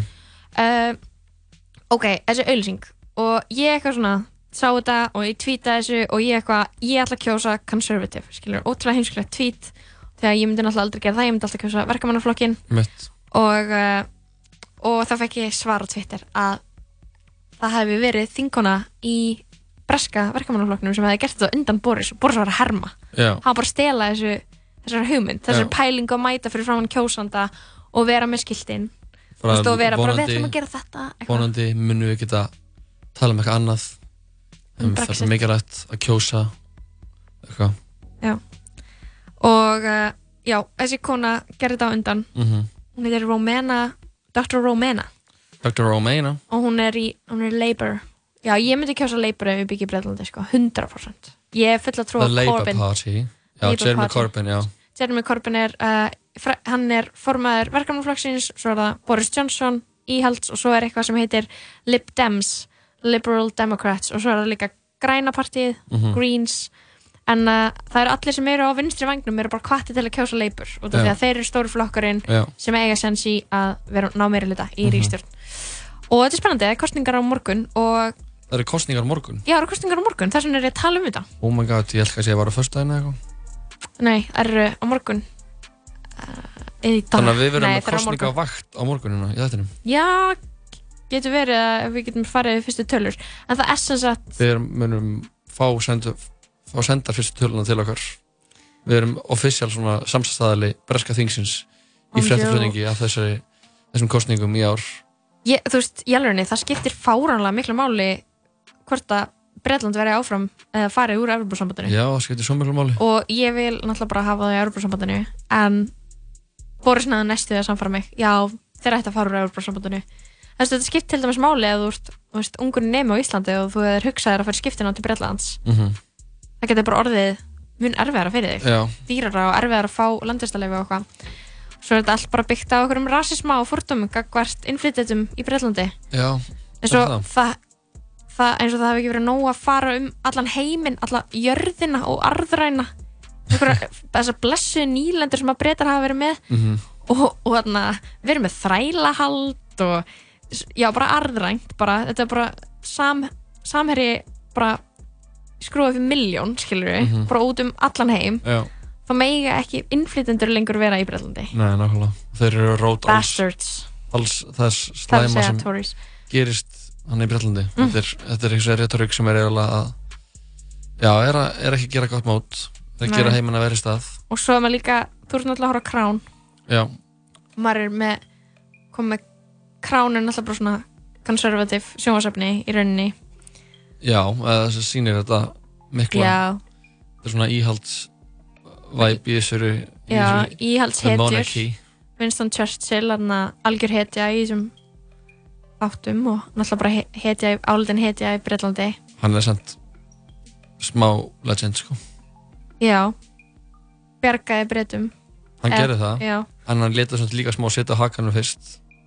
Já, einmitt. Um, Allavega, allavega. Allavega, við erum, ég er bara frekar spennt fyrir þessum kostningum maður. Út af því að þó er sko íhaldsflokkurinn hann sé í, ennþá með, meira hluta samkvæmt skoðanakonunum Mhm. þá er fylgi Labour að hægt að róla að fara upp. Það er bara svona má, svo má ekki gleymast hvað breytar eru drullu íhaldsamir sko. já, og, þarna, og eru oft búin að vera með íhaldsflokk í þarna, ríkistjórn í meira hluta uh, íhalds fórsættisráðara Thatcher, Churchill svo eru bara allir sem voru undan því. Já, hann sem var hann, hann að Tony Blair, hann er íhalds eða ekki? Jú. já, ég sko var ekki eða til að að Corbyn er í fórsættisræðara Mhm. því hann hefur líka hann að bæði sko Stormzy og uh, Jamie. Hafa, eh, hafa peppa hann. hafa peppað hann. Og Já. hann, hann að, það var gerð svona vídeo af, af uh, Jamie, þess að bróður hans skepta lillur bróður hans skepta sem Mhm. hvatti hann til þess að byrja að rappa Mhm. uh, það er þetta að fara inn á Vice, heimisjöu Vice og uh, sjá viðtal þar sem þeir eru, að, það, þeir eru í, í samtali Mhm. tala um sko jafnaðamál eða Já, ekki, er jú. ekki að tala um bara svona samfélagsmálöfni Jú, bara, þú veist, Jamie að sjá til þess að að það sé rétt að kjósa Corbyn já, bara, jú, jú, bara, jú hann, hann er bara fulltrúið þess sem, þeirra sem hafa verið bara hana, út á þessum götum Einmitt. bara in the ends, eins og ég kallaði þetta sem Jamie er endar ekki í dag að hann hafi bara fínt í London Já, hann það fínt í London, en hann er samt, hann er samt sko, mikill hugsanum maður. Já, hann er-. Hann er að gefa út plötu núna fyrir nokkuð Mm. dögum. Uh, hann að Grime Rapper heitir hún, held ég. Mhm. Og hún kom bara út á gæsludisk. oh my god, já Hún ekki, er ekki á neinn nein, nein, Nein streymisveitu. Hún fór bara beint á topplistan, bara physical copies only. það er geðvikt Það er geðveikt, sko. Mér langar að hlusta á Jamie lag hann, hann er algjör mistari Hann er það sko. og ég er bara vona að veist, ég er bara peppi fyrir þessum kostningum skilur út af því að þessar kostningar gæti bara þýtt skilur bara kaplaskil fyrir breylla Mhm. bara þú veist, meiri jöfnuð bara Mhm. kerfisbreytingar ef að Corbyn er kosin og þú, veist, það væri bara náttúrulega algjört pepp sko. Það væri risa sko. Það, og, og líka þú veist, þessar kostningar sem nú náttúrulega líka um umhverfismál. Og því að Tories hafi ekki gert neitt. Nei, nákvæmlega, en þau, þau einhvern veginn er þetta svona í baksætinu eftir þessu Brexit. Brexit. Það snýst alltaf Brexit núna. og það nennir enginn að tala um Brexit lengur. Nei, það er komið ný útgáf uh, Sky sjónastöðinni sem sýnir fréttir án allar fréttir sem tengjast Brexit ekki neitt. Við vorum þannig fréttastöð, þangað til í dag. Nú flyttum við einungis fréttir af Brexit. Herru, gott lag. Þetta er rapparinn JME á samt Giggs, lagið Men Don't Care.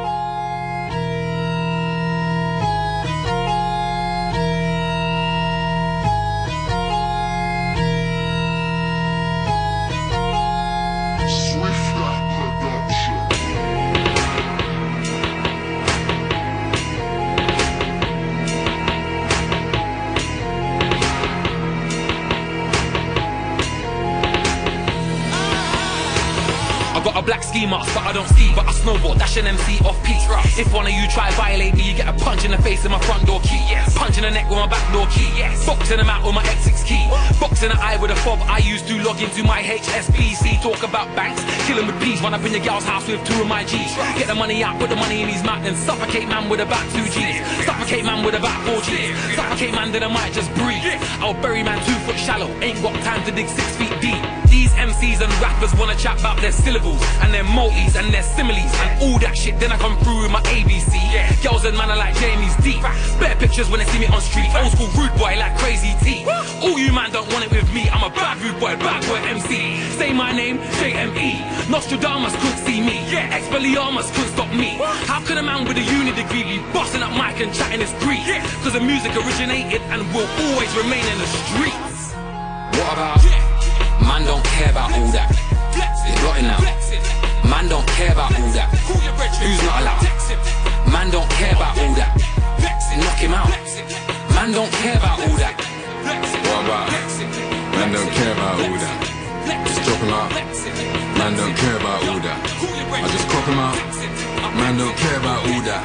He's forgotten about. Cause man don't care about all that. Cause I'm the most immediate, he's just an old school idiot. He doing local things, but we be them local geezers. Just look at my list of friends and he holds them up with tweezers. Yeah, man used to move that white, yeah, we be them old school dealers. She's lighting up some senses, he's lighting up amnesias. I'm about to get it started, I'm about to get amnesia. Man might have to move up film, I might have to touch Louise's. Cause at the top it's just us, yeah, man, I had to quote Lil Reese's. Batman, then it, then it, then it hardest. Just let me confirm it, loafers. Just have to be Hermers, burners. When bapping hit burner, furnace. I'm back with big burners, that's my spot, I'm back with that permit. Pull that pistol back and then burn it. Friday shit, I'm back and big worm it. Excuse me, what pardon? I had to just ask him. I am man, the man could just stalk him. Man's like, ooh, I'm back with that margin. Adam and Eve, I'm back in that garden. With the blood clot, I'm back the Don Gargan. Started off light, I think, and then darken. Hollow man G and me, and I'm talking. Killing with D, killing MC. Digestives, cinnamon tea. Ain't no feeling his shoes, cause they still on his feet. Man's down south hustling, with no gold grilling his teeth. What about? Man don't care about all that. It's blotting out. Man don't care about all that. Who's not allowed? Man don't care about all that. Knock him out. Man don't care about all that. What about? Man don't care about all that. Just drop him out. Man don't care about all that. I just crop him out. Man don't care about all that. He's forgotten about. Cause man don't care about all that.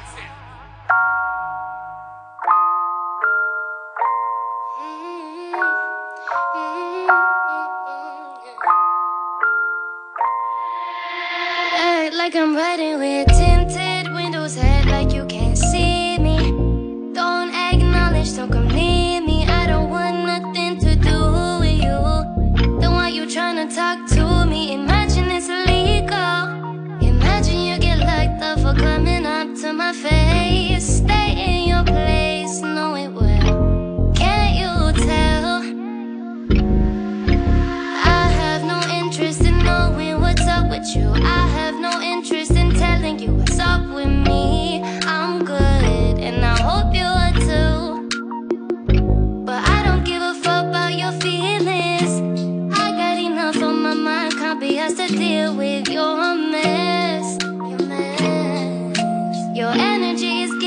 Stress, so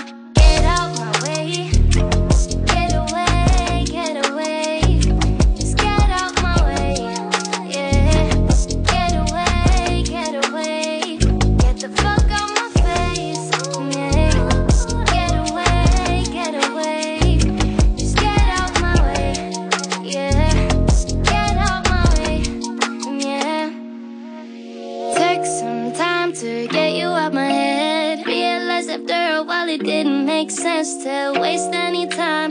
Letting you have an effect on my life. Whenever you're around, suddenly I'm blind. Sorry, who are you? I don't know ya. Why you coming around like I should? Oh, sorry, bitch, I thought I told ya. I really love it if you could get out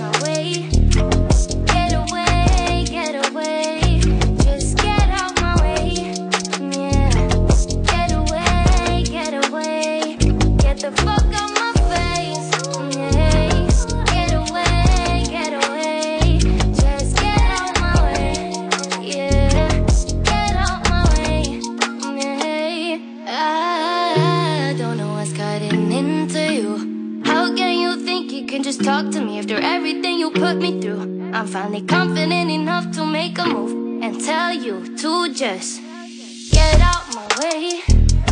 Get away, get away.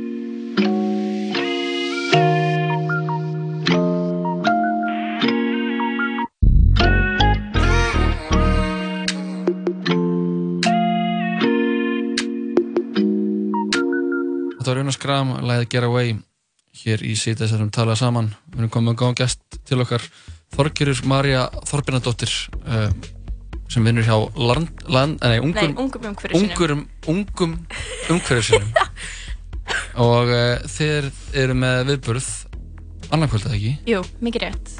Uh, rant fyrir jörðina, eða rant fyrir umhverfið. Rant fyrir umhverfið Það, það má maður auðsa úr skálum reyði sinnar, uh, fara eina mínútu til þess og maður láta allt flakka og Mhm. ek ekkert verið haft eftir, maður segja eitthvað heimskulegt maður vil endilega fá bara sem flest sjónumið inn og, og fólk geti svona, þú veist þetta, fólk geti fara að rífast án þess að megi svara hvort öðru. Einmitt. Það, er Það er svona, næs. það, það skapar eitthvað svona skemmtilega spennu. Mhm. En ég held reyndar kannski að þeir sem mæti séu upp til hópa mjög sammála. Mhm. Þannig að það kannski verður bara gott, gott pepp. Já, nema þetta viðtal sé kannski ákall til þeirra sem eru Afnýtunum sinnar. afnýttunar sinnar en Já. eins og allir vikni sem var að byggja um nýtt orð, sástu það hana, Já. hann vill ekki afnýttunar sinni sér Já, einmitt. Ég, ég hef bara mjög lítið gefið af, afneituna sinnum eða, eða þessu fólki, hvað sem vil kalla sig. Einmitt. Því að við búum bara í landi með málfrelsi og ég ætla alls ekki að fara hérna að gefa þeim þá aðtigli að reyna að þakka niður um heldur. Þannig að bara, já, en ef þau mæta og Mhm. fjölmenna á þennan viðburð og ranta bara um að þetta sé allt, hérna, allt bull, það, þá er bara markmiðinu náð, sko. Já, nákvæmlega. Það væri eiginlega bara alveg magnað. Mhm. Já, það verður svaka gjörningur líka bara. Já, ég held sko þá, þá líka, þú veist, getur maður kynst þessu fólki, þú veist, bara þar og, og hérna svona ranta á viksl og ég held að það er bara Það er bara gott. Ég held sko að stemmingin er því bara Ríkaleg Getur þú sagt okkur aðeins hvar verður þetta og klukkan hvað? Já, þetta verður sem sagt á Hressó, mm Hressingarskálanum Mhm. og þetta Sem er verður búið að taka í gegn. sem búið að taka í gegn Já. sem er kallað þetta nýja húrra, ég veit ekki hvort það má segja það uh, og um, þetta verður klukkan hálf uh, hálf nýju Ok Já, er það ekki? Nei, nýju Nýju, þetta verður klukkan nýju Það er eitthvað Ég- sögum að byrjar? mæta hálf nýju til þess að fá sér bjór Já, og, einmitt. og, En pælingin er svo satt rand Ok, ég náttúrulega þarf að segja að ég var með Já, þú verður með. uh, Ég uh, var með svona í aðtiklisprest og lokast í, ég var alltaf með rand vikunar og rand, pæ, pælingin á bakur rand er bara svona ok, þú veist, bara ein mínúta til þess að losa um þetta Mhm. sem pyrraði því í vikunni, skilur Já. út af því að og ef ég er eitthvað svona með mína pælingu eitthvað svona rand fyrir jörðina þá er eitthvað svona, ok uh, stundum langar manni ótrúlega mikið að vera að taka þátt í umræðum á netinu um umhverfið og eitthvað svona segja eitthvað og eitthvað og svo, svo, svo verður stundum líka svona þreytt skilur eitthvað að vera alltaf eitthvað, þú veist Alltaf tala um sama. Já, tala um sama og eitthvað svona svo er svo lítið búið að breytast og veist, og oft er þetta líka skilur það, það sem ég get mikið þeng núna er einhvern veginn fólk að benda puttum á hvern annan. Bara þú fórst til útlanda. þú, Anna, þú átt ekki bambusttambusta eða þú bara kjöt. Þú kerir bíl og svona. Og við erum bara föst í þessu. Þannig að mikið, sko. ég gæti alveg ranta um það í það, mínútu sko. það má bara ranta hvað sem er. Svo, svo fyrir að tengist málefninu á einhvern hátt sko og Þú varst ekki um að ranta bara um The Irishman Nýja myndina Uh, Nei Ef þú Jói. tengja það einhvern veginn er bara The Irishman er bara byrtingamind hvað við erum á, á villigötum í umhverfismálum þá hérna, já, já en þannig að já, Já. sem sagt uh, ég myndi alveg líka segja bara að einmitt, við erum rosa mikið að benda á hvort annað og Mhm. við erum bara svona að gleyma okkur í sko að benda aðra við erum ekki að horfa á okkur sjálf og því þú veist, maður getur gert svo mikið, maður bara horfir inn á við og er svona, ok, þarf ég, þú veist, þennan einnúta bolla í dag? Mhm. og bara þessi einnúta bolli er kannski ekki að fara að breyta heiminum en hugafæri þitt er að fara að breyta heiminum. Mhm. og það skiptir máli og fólk má ekki missa sig í sko að benda á aktivista og halda að þeir eigi að vera eitthvað fullkomnir Já, einmitt. það, þú veist. e eða við bara öll, eða bara að líka finna finna, skilur kraftin innra með sér. Eða svona, ok, byrju að við getum einhvern veginn samin að kraft okkar til þess að benda á þá sem eru raunverulega ábyrgir. Mér finnst það líka mjög mikilvægt, skilur það er svo mikið af, af valdamiklu fólki sem að er ekki að gera nóg, sko. Algjörlega, en Og- það líka ef að samfélagi byrja að breytast þannig að allir eru farnir að bara vera sjúklega meðvitaðir um allt sem þeir gera að Aha. þá verða fyrirtækin bara að svara því. Já, þau geta ekkert eitthvað haldið áfram að hérna, menga ógislega mikið. Veist, ef við erum öll farin að bara spara rafmagnu okkar geðið mikið og passa upp á að veist, við notum rafmagni í góða hluti og við erum ennþá með eitthvað að reysa kísilver og reysa álver þá kannski fyrir samfélagið sem bara hild að vera eitthvað hmm, kannski getum við er gert eitthvað kannski getum við gert eitthvað annað við þetta rafmagn Mhm. það er ekki að fara, við erum ekki að fara að loka þessu kísilveri álver á morgun eitthvað, út að Það væri næsamt Já, þú veist, en hvað á allt fólki sem vinnur hann að gera, skiljur þetta er allt spurning um að halda einhverjum stöðuleika líka Mhm. Aha. Mér finnst það, þú veist, ég, ég vil ekki loka álver á morgun út af því þá bara fellur málstæðun minn um bara sjálfan sig af því þá er bara Já. gett mikið af fólki sem að er atvinnuleist er atvinnuleist og við þurfum Mhm. að horfa alveg á hilda myndina, sko Mhm. Finnst þér uh, nógu mikið tala um þessa heildamynd eða hvað, þú veist eins og Alls ekki Hvað, na, þú veist, hvað gerur þau í vinnunniðinni hjá ungum umhverfisinum, þú veist, hvað, í hverju fælst hún? Hvað ertu svona Eh, mest að er- fókus á? Ég er mikið að svona hitta fólk sem er í, í svona áhrifastöðum og ræða þessi mál og Mhm. fólk er almennt sammála um mikilvægi loftslagsbreytinga og umhverfismála Mhm. uh, en svona aðferðirnar eru oft þú veist, fólk getur verið ósammála um þær og oft er fólk líka með eitthvað hagsmuni Mhm. ég hitti eitthvað sem er að græða peninga á því að búa til plast eða eitthvað, ég veit ekki, ég hef reyndar Mhm. aldrei hitt neitt sem er að búa til plast Ok. en þá er ég ekki að fara að vera eitthvað hefur pælt í að bara búa til plast? Eitthvað. En, uh, en ég hef kannski meira svona hitt fyrirtæki og verið eitthvað hafið pælt í að innblýna ekki bara á maksa arðin kannski bara hætta því, pæla bara ekkert í því Mhm. og, Já. og innblýna bara á eitthvað svona sjálfbærni, sjálfbærni vísa og eitthvað. Fólk er oft, þú veist fólk er rosa duglegt að svona klappa okkur á kollin sem erum að pæla í þessum svona unga fólkinu sem er svo duglegt að Mhm. pæla í einhverju smálum en það fylgir ekkert alltaf uh, aðgerir en ég hef svona, ég hef alveg fengið góð viðbröð og slæm viðbröð -huh. og þannig að svo er bara að skiplega viðbyrði eins og þennan rattkvöldi og skrifa umsagnir fyrir samráðskátt stjórnvalda. Vá. Eh, mjög gefandi vinna. Fjölbreytt starf. Já, ég er endar tek að mér eiginlega bara of mikið sko, það er svo margt hægt að gera. Mhm. og náttúrulega loftslagsmótmælinn á hverjum einsta föstu degi Einmitt. í hádeginu. Það er núna á föstu daginn verður uh, tónlist, DJ Margir ætlar að DJ-a okay. þannig að við ætlum að dansa uh, á hérna fyrir fram alþingishúsi Geðvegt. Ok. og því fleiri sem mæta því betra af því ef það er bara þrýr að dansa þá, hérna, þá verður þetta ekki eins áhrifaríkt Getur þú sagt mér eitt, þannig að síðan þú byrjaðir að pæla í umhverfismálum finnst þér að vera að fara finnst þér eitthvað svona skref hafa verið tekin sem kannski ég og Jói veitum ekki af sem að eru mikilvæg? Eða er ennþá bara mjög lítið að gerast?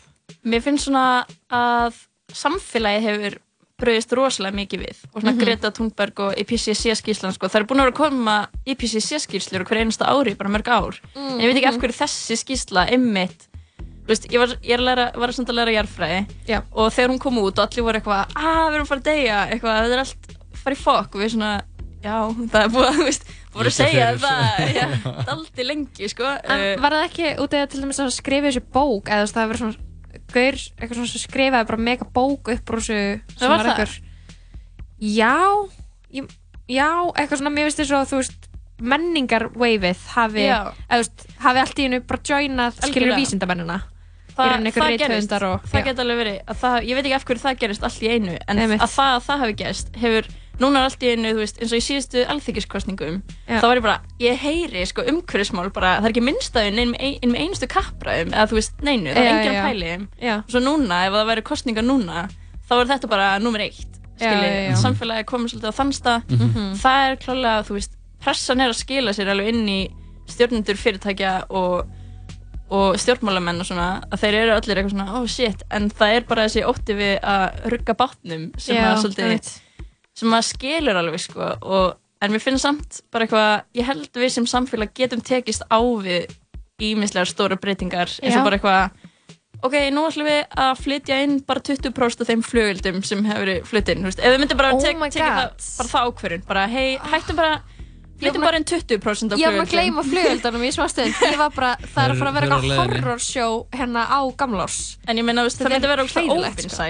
og þegar fólk elskar flutan sína En og ömurlegar. myndi vera bara shit, hvernig hefur að fjármagna okkur? Og það myndi alveg vera smá chaos og umlægt fyrir björgunarsveitir og ég er sjálfur nýlega í björgunarsveit þannig að ég er kannski að passa hvað ég segi. En ég held að við gætum, það myndi ekki heimlandi myndi ekki hrinja ef við myndum minka Nei, það á bara að vera ski, góð skipulögð flugöldasýning bara frá veist, borginni sem Frá bara björgunarsveitum. björgunarsveitunum, já. Þær fengur bara geðveikt mikið pening frá borginni fyrir að gera það, eða frá fólki. Og fólk bindur bara svona legginn að því. Já, ég var í, Ev- bjó í Evrópu í smá tíma þá var allir eitthvað, já, er ekki, er björgunarsveitin eitthvað ekki ríkisreikin? Hún er bara ríkisreikin alls þar Já. En þú nefnir þetta við eitthvað í björgunarsveitinni, þá er allir bara, nei, þetta, er kerfi sem virkar óslega vel.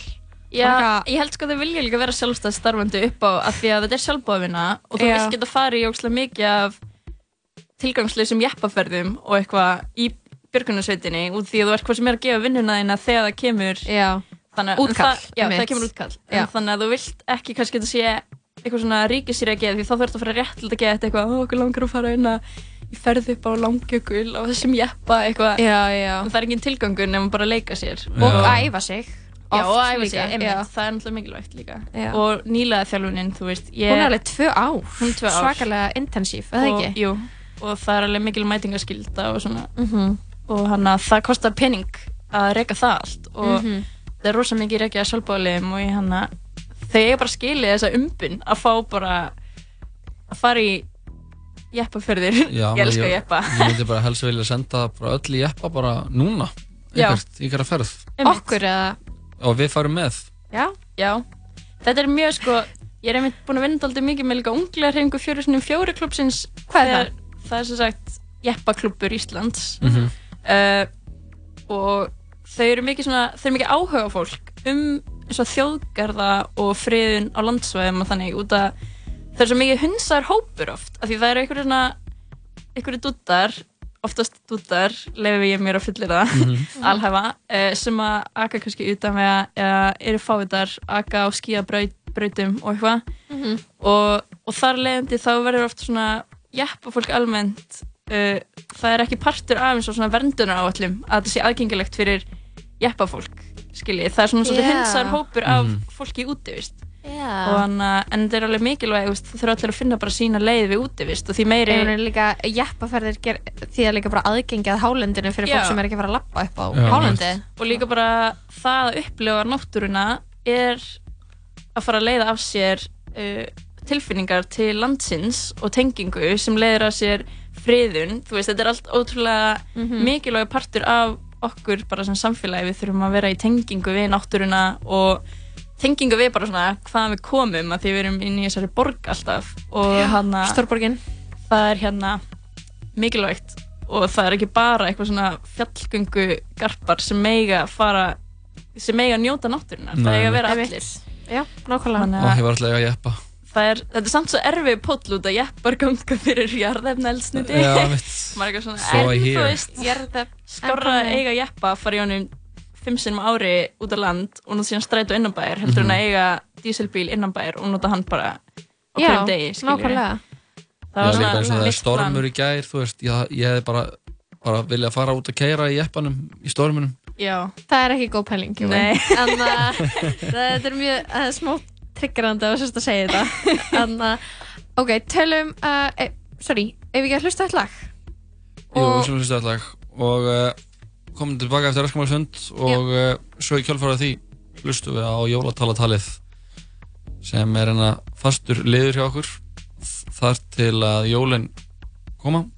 En uh, já, þetta er glænýtt af plötunni hér frá honum uh, Roddy Rich uh, platan heitir Please Excuse Me for Being Antisocial uh, lagið Peta eða Píra ásett Mík Mill, gjör þess vel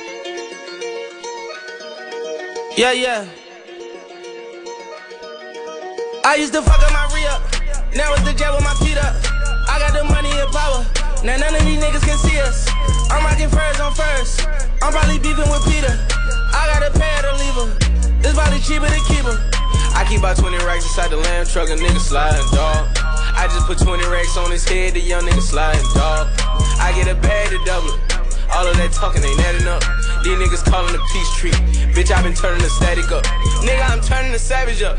Bentley Rolls Royce in the fleet. Ay, I bet that cannon got reach. I still keep it under the seat. I pop them rubber bands for a living, I might keep the racks in the mink. And I got Fiji on me, she mistake my paddock for the sink. I was in Dallas at V Live, honeycomb settings in the chain like a beehive. He say he want a static with a nigga, seen him in the streets, he ain't tryna be about it. Hey, down on the crib in the series, blue faces in my mirrors. We got a sprint of hoes coming in, I like my baby just curious. I just ordered up a Rolls Royce truck with the Gucci interior. When I was bending the block with the lasers out, they thought it was Christmas. Up the block and knock his braces out, we called him slipping. We was working at that vegan house, God forgive me. I used to fuck up my re up. Now it's the jet with my feet up. I got the money and power. Now none of these niggas can see us. I'm rocking furs on first. I'm probably beefing with Peter. I got a pair to leave her. It's probably cheaper to keep her. I keep about 20 racks inside the lamb truck, a nigga sliding, dog. I just put 20 racks on his head, the young nigga sliding, dog. I get a bag to double it. All of that talking ain't adding up. These niggas calling the peace tree. Bitch, I been turning the static up. Uh, that was wondering what me could do. Yellow land look like Pikachu. Back to back and then them Rolls Royce jumping out them ghosts playing peekaboo. Eeny, meeny, miny, mo, see a bad bitch. I could peekaboo. Rolls Royce to the chopper, chopper to the jet. Collie a week or two. Hey, all of that talking ain't adding up. I just been lowering them letters up. I heard they said they gon' ride me. All them niggas can back it up. Nigga just quit all that acting tough. See you, we turning that savage up. Swimming in range with drown, nigga. Fucking, I'm flooding the paddock up. Fucking that bitch like I'm mad at her. I never play with that pussy. I get some hitters with ratchet tuck. All of them killers don't push me. Nigga, you ballin' on rookie. This shit is Hall of Fame. I got two kids, they jealous each other. I'm treating them all the same. I got too many bitches that I'm taking care of and they all complain. I'm never tripping about none of these bitches cause I know it's all a game. I paid the cost for fame. I even seen my dogs show fame. just for the love of the money and change. Remember we said that we never would change. Remember we said that we never would switch. I made the call, let them get hit. Way that I'm built, never could snitch. Niggas get killed, fucking with this, fucking with us. I took my re up and doubled it up. Baking soda started bubbling up. They try to throw the kid under the butt, now I'm running it up. I used to fuck up my re up. Now it's the jet with my feet up. I got the money and power. Now none of these niggas can see us. I'm rocking furs on first. I'm probably beefing with Peter. I got a pair to leave her. It's probably cheaper to keep her. I keep about 20 racks inside the lamb truck, a nigga sliding, dog. I just put 20 racks on his head, the young nigga sliding, dog. I get a bag to double it. All of that talking ain't adding up. These niggas calling the peace tree. Bitch, I been turning the static up. Já, þetta voru þeir uh, Roddy Rich og uh, Meek Mill. Þú ert að hlusta að sýta þess að tala saman. Jöp, svo sannlega og við erum ennþá með hana Þorgeri Maríu hjá okkur. Já, hér er ég. Þannig að áður en að við kveðum þig og fyrir að hlusta á jóladagatali okkar spuna jóladagatali okkar mm. getur þá sagt okkur, sagt hlustundum bara hvernig, hvað er að fara að gerast á morgun á nýja hressa? Já, sem sagt, fólk mætir klukkan nýju eða fyrr til að fá sér bjór.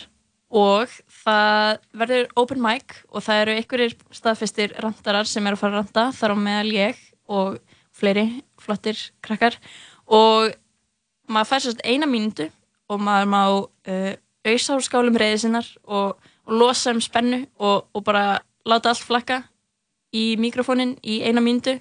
Svo bara kvetta á það og eftir að þú er búin að randa þá má ekkert má ekkert ræða málefni frekar við þig Ok. sem er svona, mér er svona fallegast að við randi er að veist, maður getur bara eitthvað svona haft eitthvað train of thought sem er gett, kannski meikar ekki alveg sens en meikar sens í mómentinu og Mhm. síðan eftir að þá er maður bara svona búin að losa um það og maður þarf kannski ekki endilega að bakka upp af því að maður er svo hrættur um í þessum cancel culture sem við búum í að maður er hrættur að, að tala stundum eins og margir hafa haft orðað þannig að það er svona já, tengt umhverfismálum það, já, það þarf að tengjast umhverfismálum það geta það vera miðar sem þið getur dreigið líka ef þið viti ekki hvað ég er randum En vilja taka þátt í já, fjörinu en það má líka bara mæta og hlusta og fræðast, þetta verður örgulega eitthvað svona blanda af skemmtilegt og, og fræðandi af því að það er mikið fólki að fara að mæta sem er að pæla í umhverfismálum og það getur svona, þú veist þú veist kannski eitthvað, ó, vá, ég vissi ekki að rafmagnsbílar væri svona problematic eitthvað. Mm, mhm. þetta fara að gera lífið eitt flóknara. Já, næs uh, Þannig að Ok, geðveitt, hlakka til, ég verð þarna á morgun og bara, ég held að þetta sé bara kjörin viðbyrði fyrir alla sem eru með smá loftslaskviða algjörlega, það ekki þetta svona losar aðeins um það og maður svona, Já. við erum sem að segja að gera eitthvað sko. Nákvæmlega, þetta verður skemmtilegt og líka bara, ja, jákvætt Já, ég held Eða það. þú veist, gott gott í hjarta, eða ekki? Jú. Herru, við ætlum að áður en við rennum út á tíma í tala saman þætti dagsins bara að okkur vingt í jóladegatali og þakka Þorgirum Mari kærlega fyrir komuna. Já, takk fyrir mig. Takk fyrir komuna Og nú er það...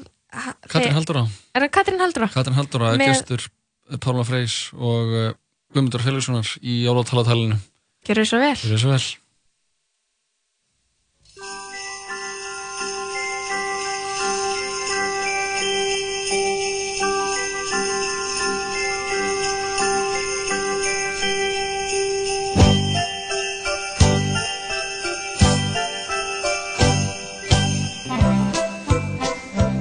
Já, góðan daginn kæru hlustendur. Þetta er jólatalatal. Í dag er 11. desember og nú fyrir aldeilis að styttast í jólinn. Ég heiti Guðmundur Felixson og ég er annar af tveimur stjórnundu þess að þáttar. Því miður komst Pálmi Freyr Haugsson ekki í dag vegna þess að hann er bara að skreita heima á sér og baka á eitthvað slags. Um, en ég, ég manna þáttinn í dag og, og þessi þáttu gengur svolítið út á það að, að, að heyra í fólki sem tengist jólunum og við erum aldeilis með góða gesti hér í dag og þeir tengjast jólunum svo sannarlega. Uh, þannig nefnilega málmvegsti að ég fekk e-mail frá, frá bandariskum uh, umbóðsmanni fyrir stuttu síðan og mér var tilkynnt það að, að hinn eini sanni Santa Claus eh, bandaríski jólasveitin væri að fara í svona kynningaferð, svona, svona, svona túr um heiminn. Og hann eh, er núna komin til Ísland og er komin í viðtal við jólatalatal um, bara hinn eini sanni jólasveitn inn og, hann er með hérna lítinn álf með sér og þetta er bara já, þetta er bara algjör stemning. Hey, roller, roller. Já, sæll hérna, sæll jólasveinn Já, sæl, takk fyrir að hafa mig í þátturinn. Hérna, bara útrúlega gáður að koma til Íslands. Ú, er kallt úti. Já, það er nú kannski- Rosalega kallt Rosalega kallt úti, rosalega kallt Það er samt ekki við erum að beinum Við erum að beinum, sko. Hann var alltaf kaldar enn á það Já, við erum allan inn í húsi á Norðurpólum Það fyrir ekki mikið út á er nema bara að klappa reyndum og eitthvað svolítið Ja, maður er alltaf bara inni í húsinu og pakk. Ó, pakka og pakka. Já, hann Kristoffer Kristoffersen er alltaf að pakka henni í húsi sko Christopher Christopherson Kristoffer Kristoffersen er áðurinn minn hérna Já. Alltaf bara að pakka henni í húsi Ég er uppbólsalvurinn. Uppáhaldsalvurinn, uppáhaldsalvurinn Sér um allt skipulega alltaf að pakka og alltaf meðlum að pakka Christopher, erst þú svona aðal ál, skipilags álfurinn? Já, ég svo aðra álfurinn í upp pakkunni til. Vá, mér finnst svo merkilegt að þið talið íslensku. Já, til fullkona íslensku. Við vorum að æfa okkur. Við erum að okkur allar leiðina. Já, býtu þannig að þið eru bara að æfa ykkur í smá tíma. Þið, þið eru svona fljótir að læra eða? Já, við fengum sko að pakka brefum frá íslenskum krakkam. Já. Pakka, full pakka, stúrtil pakka í bregðan frá íslensku krakkum íslenski krakka, ég er með sér Ég er ekki krakka með sér ein jólus Ég er 13, er það að trúa mig? Er það að trúa þá? Við veitum það ekki Og við bara lærum íslenskunni gegnum þessi bref. Já, að því því að þú ert hinn eini sanni jólasveit Ég er American Santa Claus Já, og, og þannig að þú ert búin að heyra um það að Íslandingar séu með sín eini jólasveitin Ég har alls konar hefðir um jólin Já, Terry. Tretton. Terry Já. Tretton, já, Já, Tretton. Tretton Tretton. Tretton Tretton hvernig segir þú það? Þrettán Tretton Þrettán Tretton Ég sagði þér að svinga, þetta er ekki bara Tretton. Þetta er Já, þetta er út að segja rétt Tretton Við vorum að æfa okkur í sleðanum. Já, hún svo heyrir ekki um sem hún heim Það er bara Tretton Það er þrettán Tretton Þrettán Tretton Allána, Ég að segja alls þú- já Það er margir búin að spyrja það, er þið innfæði? Já, Er þið? Rosa margir sem koma okkur Er það innfættir Þú í rauða búnin Þú í græna lilla búningnum. Þú lítið dvergur, þú lítið jólusveit Er það innfættir Og við segjum Nei, við erum ekki innfættir Við erum frá Norrbólnum Ég er frá Ameríku. Ég er með Amerísk með Amerík Einmitt, þið hljómið smá eins og vestur Íslendingar Vitið þið hvað það er? Já, ég ekki að hittu það? Er þið ekki gemli? Já, það í Kanada. Einmitt. Já, Já. Já, hana, en Það er hann svo lélega íslensku. Þeir eru bara eitthvað. Halló, ég tala lélega íslensku. Og ég skil ekki neitt út af íslenska svo slapp það Ég myndi ekki að segja að ég verið glimli. Hvað segirðu? Ég myndi ekki að segja að ég verið frá glimli. Myndir ekki segja að þú væri frá Gimli? Mæ, ég myndi, ég myndi aldrei gera alveg í Ísland. Þú ert þeirra að verða verri í íslensku eftir því sem þú talar Skilur meira ekki það sem að segja Skilur Það er bara orðaforinn, orðaforinn í brefunum ekki voru bara bakkar. Já, Rebecca Rebecca Oliver Já, pa- það var sérst brefin sem að þið hafi lært íslensku á eru bara pakkar Já, Eða já. sérst bara bref um pakka og hvað krakkar vilja í jólagjafi er okkar mest byrjað að pakka? Þannig að þið kunnið ekki orð eins og hamfara hlínun eða Hvað segir Hvað segir Þið skiljið ekki Hamfara orð pínun? Þið skiljið ekki orð eins og stjórnmál eða Hvað segir Nei, já, ok, ég skil. Stjórið En Lögustjóri, það sem er lögustjórabúning Er þetta þannig það? Nei, ekki alveg. Ah, Ég hef mikið að lögustjórabúningum í pakkum í ár. Já, ok.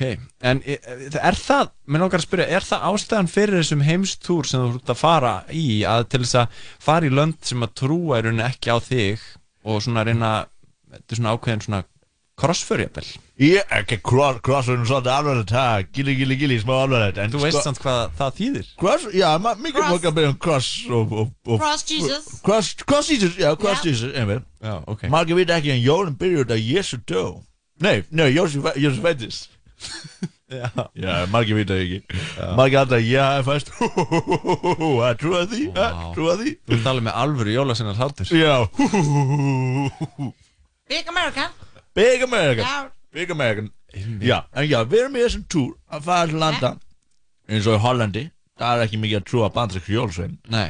Og eins og Ísland og eins og Ecuador Já. Ecuador það trúa er að lítinn lítinn uh, lítinn kvorp sem gefur mikið að lítinn Han säger på det, han var alltid att säga på det, varför det, varför det? Vaffari, vaffari, hófari, hófari og við bara, ég, og ég er líka að fara í podcast þetta her og tala um Han har kommit den och kom lägger allting. Allir. allir Ah, í. Er Christopher hirnalaus? Eða, nei, bara pæla. Heyrna skert. Já, ok. Heyrna skert.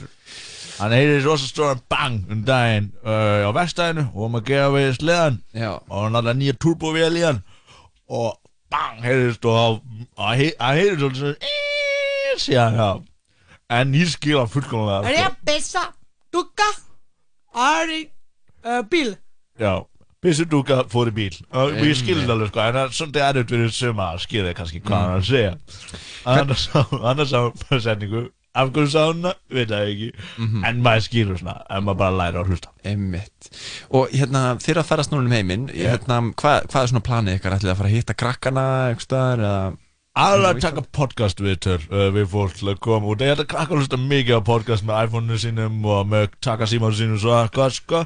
Og séðan ætlum við líka að búa fyrir skemmtaðatri á torkum uh, borga heimsins.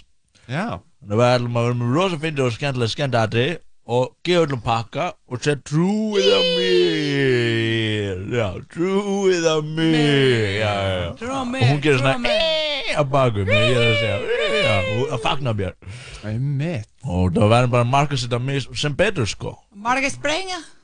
Margar sprengjur Marga Hún fær ekki nóg að sprengjum sko Hún elskar sprengjur sko Við það hann Svona að fara á okkar torg hérna í Reykjavík og sprengja einhverja sprengjur Já Ja, bara, bara lilla sprengja. Bara gammal, aldrei sprengja. Já, bara svona flugelda Bara þeirra. Bara lilla, flöðar skjóðum upp á allir Hva, Hvað er þetta? Hvað er torg Fyrir minna ingolstorg Allir labba hanga. Og þá erum við með fullt er jólasinn. Og ég segi hó hó hó Hó hó hó hó Já, Ég segi hó hó hó Sem fljúið í burtu. Segir hó hó hó svona? Já, því að sko alltaf þegar það er verið að leika því í bíómyndum og svona Ó, ég trúi ekki líka að svona leika mig sko. Sem alveg alveg óræðilegur Þú ert pínu öðruvísi heldur en þú ert leikin venjulega. Já, ég er ekki svona stór. Já. Ég er ekki svona, ég er grannur. Já, þú ert mjög mjór. Mjög mann Það er uh, barnsanda. Hæ? Barnsanda? Hæ? Barnsanda, er barnsanda Er hann með barnsanda? Barnsanda? Barnsanda? Barnsanda, er Hvor- barnsanda det- hvor- Barnsanda? Barnsanda Nej, forget about it.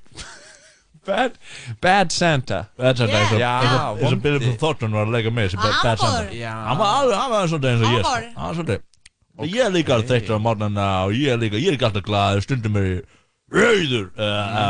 Ég, ég er er svenki góðskapari, kvinnar er ekki góðskapari. Já, ég stundum er í góðu skapi og stundum er ég ekki skapi, það er bara að gera sem svengar sko. Mhm. En, en mér er svo gaman að börnum og gefa börnum gafir og fljúa, fle- og fljúa, og fljúa sleðanum Einmitt.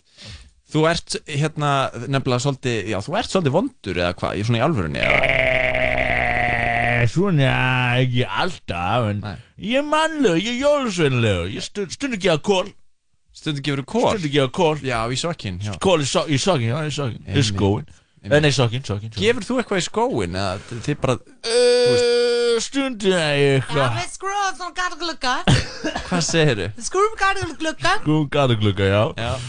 Og eh, så det bare kukkerne Já. I brevet Og så det her Og svo Så er det her er det Svo er, hvað, ég bara mista Hvað þessu skal síðasta. stæra Svo erum við farin Já. Erum við farin Já, við skrúum gataglugga Tökum kukkunar Skrúum allir gata á Og svo erum við farin. Já, já, já. Og stundum, en stundum Og gefið enga gjafir. Þú- Af því að það sem þú varst að segja núna var bara skrúa gluggan Borða kökurnar Og svo eru þið farin. Já, ljómar svo sem að ræna. En það sem við erum að gera er að Sumi krakkar ekki að hafa sig vel. Mhm. Sumi krakkar eru vondir. Mhm. Ekki vondir, er vond er kannski að öskra mamma og pappa Kannski að pissa baka hurð Mhm. Kannski kasta gróti undir skurð Kannski gera eitthvað hluti sem hefur ekki verið að gera Mhm. Þá getur við ekki gera einhver gafir Hefur þú ekki tjáður vondur? Hefur þú ekki tjáður einhver mandarinn að Gummi Felixson? Ég hef örgulega verið vondur einhvern tímann Já, fyrst einhvers sem mandarinn Mandarina er góð, ég, það er kartabla sem við fáum hérna á Íslandi þegar við erum vond Ó, já, hann er það hjá öllum uh, Já, en veist, veist ykkur það kartablu? Potato, potato chip Potato or corn Do you love corn? Mice corn? Já, corn. Yeah, we, we sometimes give corn. Oh, so that's, yeah. that's a little bit better. Okay. I'm good at switch to English. Er ekki my, sveit vocab my voc vocabulary doesn't work like I thought it would. I think you don't understand what I say here, so. Já, þú, þú talar íslensk, þú talar ennsku ekki? Þú Já, skilur- já, ég skil skilur ennsku Þið með alveg tala ennsku ef þið viljið. Ég vil bara að þið ykkur líði vel. Ég get skipt á milli enska or speak Yeah, Icelandic I just switch over. Já Like now, I'm gonna tell you what I put to the stews, okay? Já, þú ert miklu betri í ennsku Heldur en það sem við heyrðum aðan Já. Vi kannski er en litli krakka. Já, Hann fick bókin, hún fick knowledge já. Þetta er það sem að við erum búin að vera að vinna með. Að strákan er fyrir bók, Já. Stelpuna fyrir knowledge Já, ok En það sem ég var að spyrja ykkur er sko að því að Já. þú veist skórin undir glugga það er eitthvað svona íslensku 13 jólusenendir Yes, yes. En þið þú- gjafir í svona sokk sem að er hjá Arninu. Já, já, já. Það er mikið á svoleiðis á Íslandi. Næ, mjög sorglega, stundu þurfum við að gera arinn í, á heimilin svo geti gefið sokkan á, sko. Stundu þurfum við að gera arinn á heimilinu. Já, það er smá framkvæmdur og búið til smá arinn til að láta sokk. Áður hvað? Við erum með no column. Ég skil ekki. We have no uh, enough of calls. Ég skil ennþá ekki Hvað varst að segja? Skilur ekki, skilur ekki hvað þú Nei, segja? skildi þú það sem að- Já, ég skil alveg hvað þú segja En er að útskýra fyrir mér Mr. Donald, ég var til að heyra þetta einu svona en ef ég, sé alltaf að tala yfir hana Okay. Við erum með kól í poka. Já, Og kól Já, kól. Já, já, já. Já, Kól, já. Þeir eru með kól í póka og hvað? And then we just fire them up if we if we if we if we if we have made the the fireplace. Já, hann bara við að hvað bara göð svo vel hér aðeins í heimilið ykkar Býtu, ok, þannig að þeir að mæta heim til fólk Eh, Sko, ekki. Sko, ég ætla að spyrja ykkur aðeins betur um sko, galdrakrafta að þeir að segja að þið farið í hvert einasta heimili sem er ekki með arinn Búið til arinn þar. Kveikið í arninum og setið upp sokk og setið síðan gjafir í Það stundum er uh, í fyrra dag þá er að koma þér brjála pappi fram. Algar, algjörlega brjálar og það hvað fjöndur ekki ykkur að því. Já, já, já. Eru þið að fara til færi í þessari ferði það? Mikið að fara að Ég var hljómar eins og sér búin að vera að æfa þig í færi sko. Þetta var færisku pappi sem bjóð í Íslandi sko. En, en já, við fyrir líka til að fara það sko. Já. Og þá er enna Kristoffer búin að vera með sleggju og bergi í vegginn þá í blokk og búa til skorstein Já. En þá var hann til að vakna í pappin Og alveg brjála algjörlega brjálar Alveg brjála, ekki koma þakklátur. nýra á nærbísinu Já, og svo ég þáði eða tísamála på hann Já, já. Það var alveg Já, ég hérna náði ekki alveg það sem Kristoffer var að segja núna en ég er hún dóldi vanur því uh, En varandi sko þetta með að þið eruð að fara í mjög mörg hús Mjög og bara, þú Howdy. veist, Eh, Hádi, endalaus hús sko. þú veist, það eru mörg, mörg miljón hús í bandaríkunum Svo mikið hús sem það sko. Sérstaklega LA Já. Ég fyrir LA Úgislega mikið hús sem það. Enga blokkir, bara hús. Það er líka rosalega heitt. Rosa heitt, ekki jólalegt þar Ekki Einmitt, en hérna, hvernig náðu þið þessu öllu á einni nótt? Þetta er spurning sem að brennur að vera um allra barna í heiminum, sko alveg döft Kristófur er með alveg döft Alveg döft Alveg döft Alveg döft Mér stá alveg döft á sig. Ok. Og maður fengi tíma. Þú færðir eh, Þú færðir Þú þarfir Þú þarfir ræð Er þú nokkri mangi? Eh, já. Skilur. Nei en Þetta var eitthvað Sko, ef maður notið alveg döft Þá stá alveg döfti eins og Kristófur var útskýrað Þá stá alveg döfti á okkur. Og við gerum bara allt okkar það það tekur alveg det Ein- ræð. Já Já, býtu þannig að þið eruð að reyfa ykkur á venjulegum hraða Já. Í ykkar, frá, út frá ykkar sjónarhóttni Já. En þið eruð að reyfa ykkur á ofurhraða út frá allar annar sjónarhóttni Já, einmitt, við erum bara rosa hratt. That's for sure. Þannig að á hverju einasta ári er. Eru þið að lappa á milli allra húsa Og bara gera þetta Labba líka sleða, við erum líka sleða á hleyfnir Og hvað tekur það eiginlega langan tíma? Uh, svona eitt átt ár fyrir hvern, fyrir hvern jóladag yeah. þá eru þið að vinna í eitt og hálft ár við Já, það við að stilla- sofa, við erum með frí og við erum bara með táraduft á okkur og ótrúlega mikil vinna Það er þetta fyrir svo öllu á. Einmitt Táraduftið fer ekkert svo öðvöldlega á Af. Af. Af. Já. Já, einmitt, stundum erum við búin að láta allt í húsin og hann var að hrista á okkur hann tekur kannski einn og alveg mánu eða eitthvað Ég var einmitt að hugsa aðan bara vá, þú veist, þið eru nýkomin til Íslands Yeah. þið voru kannski einn dag á leðninga eða eitthvað en eru strax búin að læra íslensku en þá Yeah. var það kannski bara að því að þið voru með töraduft og þetta er búið að vera ára líða Já. og tíminn og hann er að segja við tölum fullkona íslensku eftir þetta ár sko, við erum búin að æfa, æfa, æfa eftir þessu blef Þú talar mjög góða íslensku Já, já, takk, við, við tala Þú er auðvitað þú og við, við ætla að segja við tala góð íslensku, ekki Já, nei, ég ætla að segja bara að þú talar mjög góða íslensku Ó, af því að takk Kr- fyrir. Þú veist, ég er Christopher, ekki að tala góðsinn. Christopher hérna, á kannski smá vinnu eftir Já, ég kannski er bara bara, því að ég fyrir að, svona, eh, til að afsaka henni. Já. Þá er ég með europska manuálinn. Ha. Og líka færjana. Já, já, já. Danmark. Þú ert að ruggla saman öllum tungumálum It's very complicated for me, you know, I'm an elf, so. Já, nákvæmlega I've just been living in the hills. Kannski er hérna fyrsta málið þitt er kannski ekki einu sinni enska Eða, þú Hún veist- er ekki með, Nei, fyrst, nei. a- a- ekkert fyrsta mál Nei. Hún talar öll mál illa Já, ég The, skil the first word I said was bloom. Já, That's what my mother told me. They talk like bloop, bird.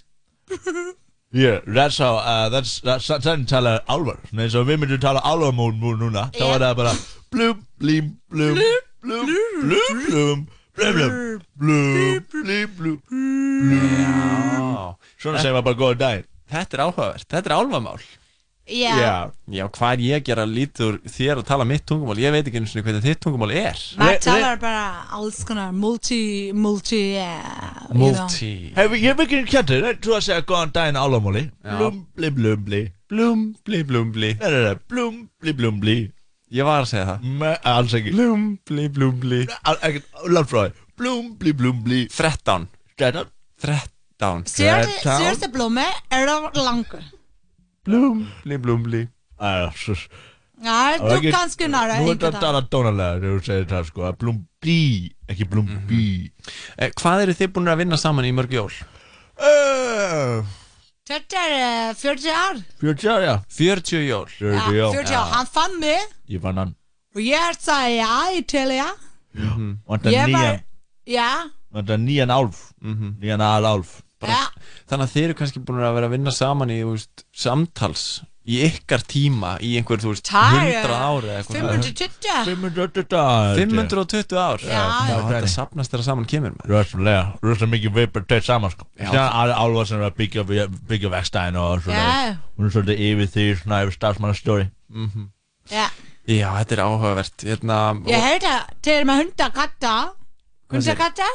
Hundakatta Hundakatta Hundra katta? Hundra katta ár. Hundra kattum maður Og það er svona, kannski er eins og við erum að tala. Hundra og köttur eru eins og þið eruð að tala. Við erum svolítið eins og hundra kattur The years, you know, you have years for cats and dogs. Ah, Já. It's uh, pretty much the same that we are. Já, þannig að fyrir hvert ár sem þið lifið þá eru þið rauninni búin að lifa sjö ár Yeah, Já, pretty much. Yeah, Smá, sko. yeah. Einmitt erum búin að vera í þessu viðtali í vikur í svona rauninni sko Já, betur, eru það á alvadufti núna?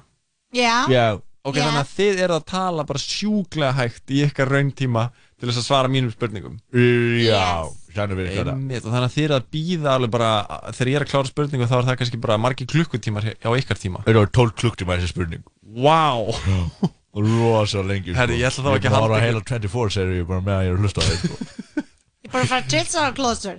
Oh my god. Bara tvisar á 12 tíum Herri, ég tók að mitt eftir að hurðin opnaðist í svona sekundubrót áðan. Já, og fór hún fram og ég sagði bara, ég skal spyrja, ég skal láta þig við hvað spurningin er.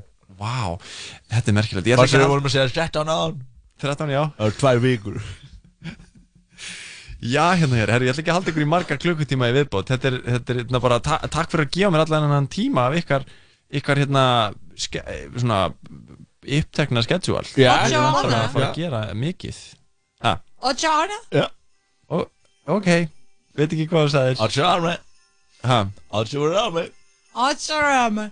Að sjá, segja bæði saman. Að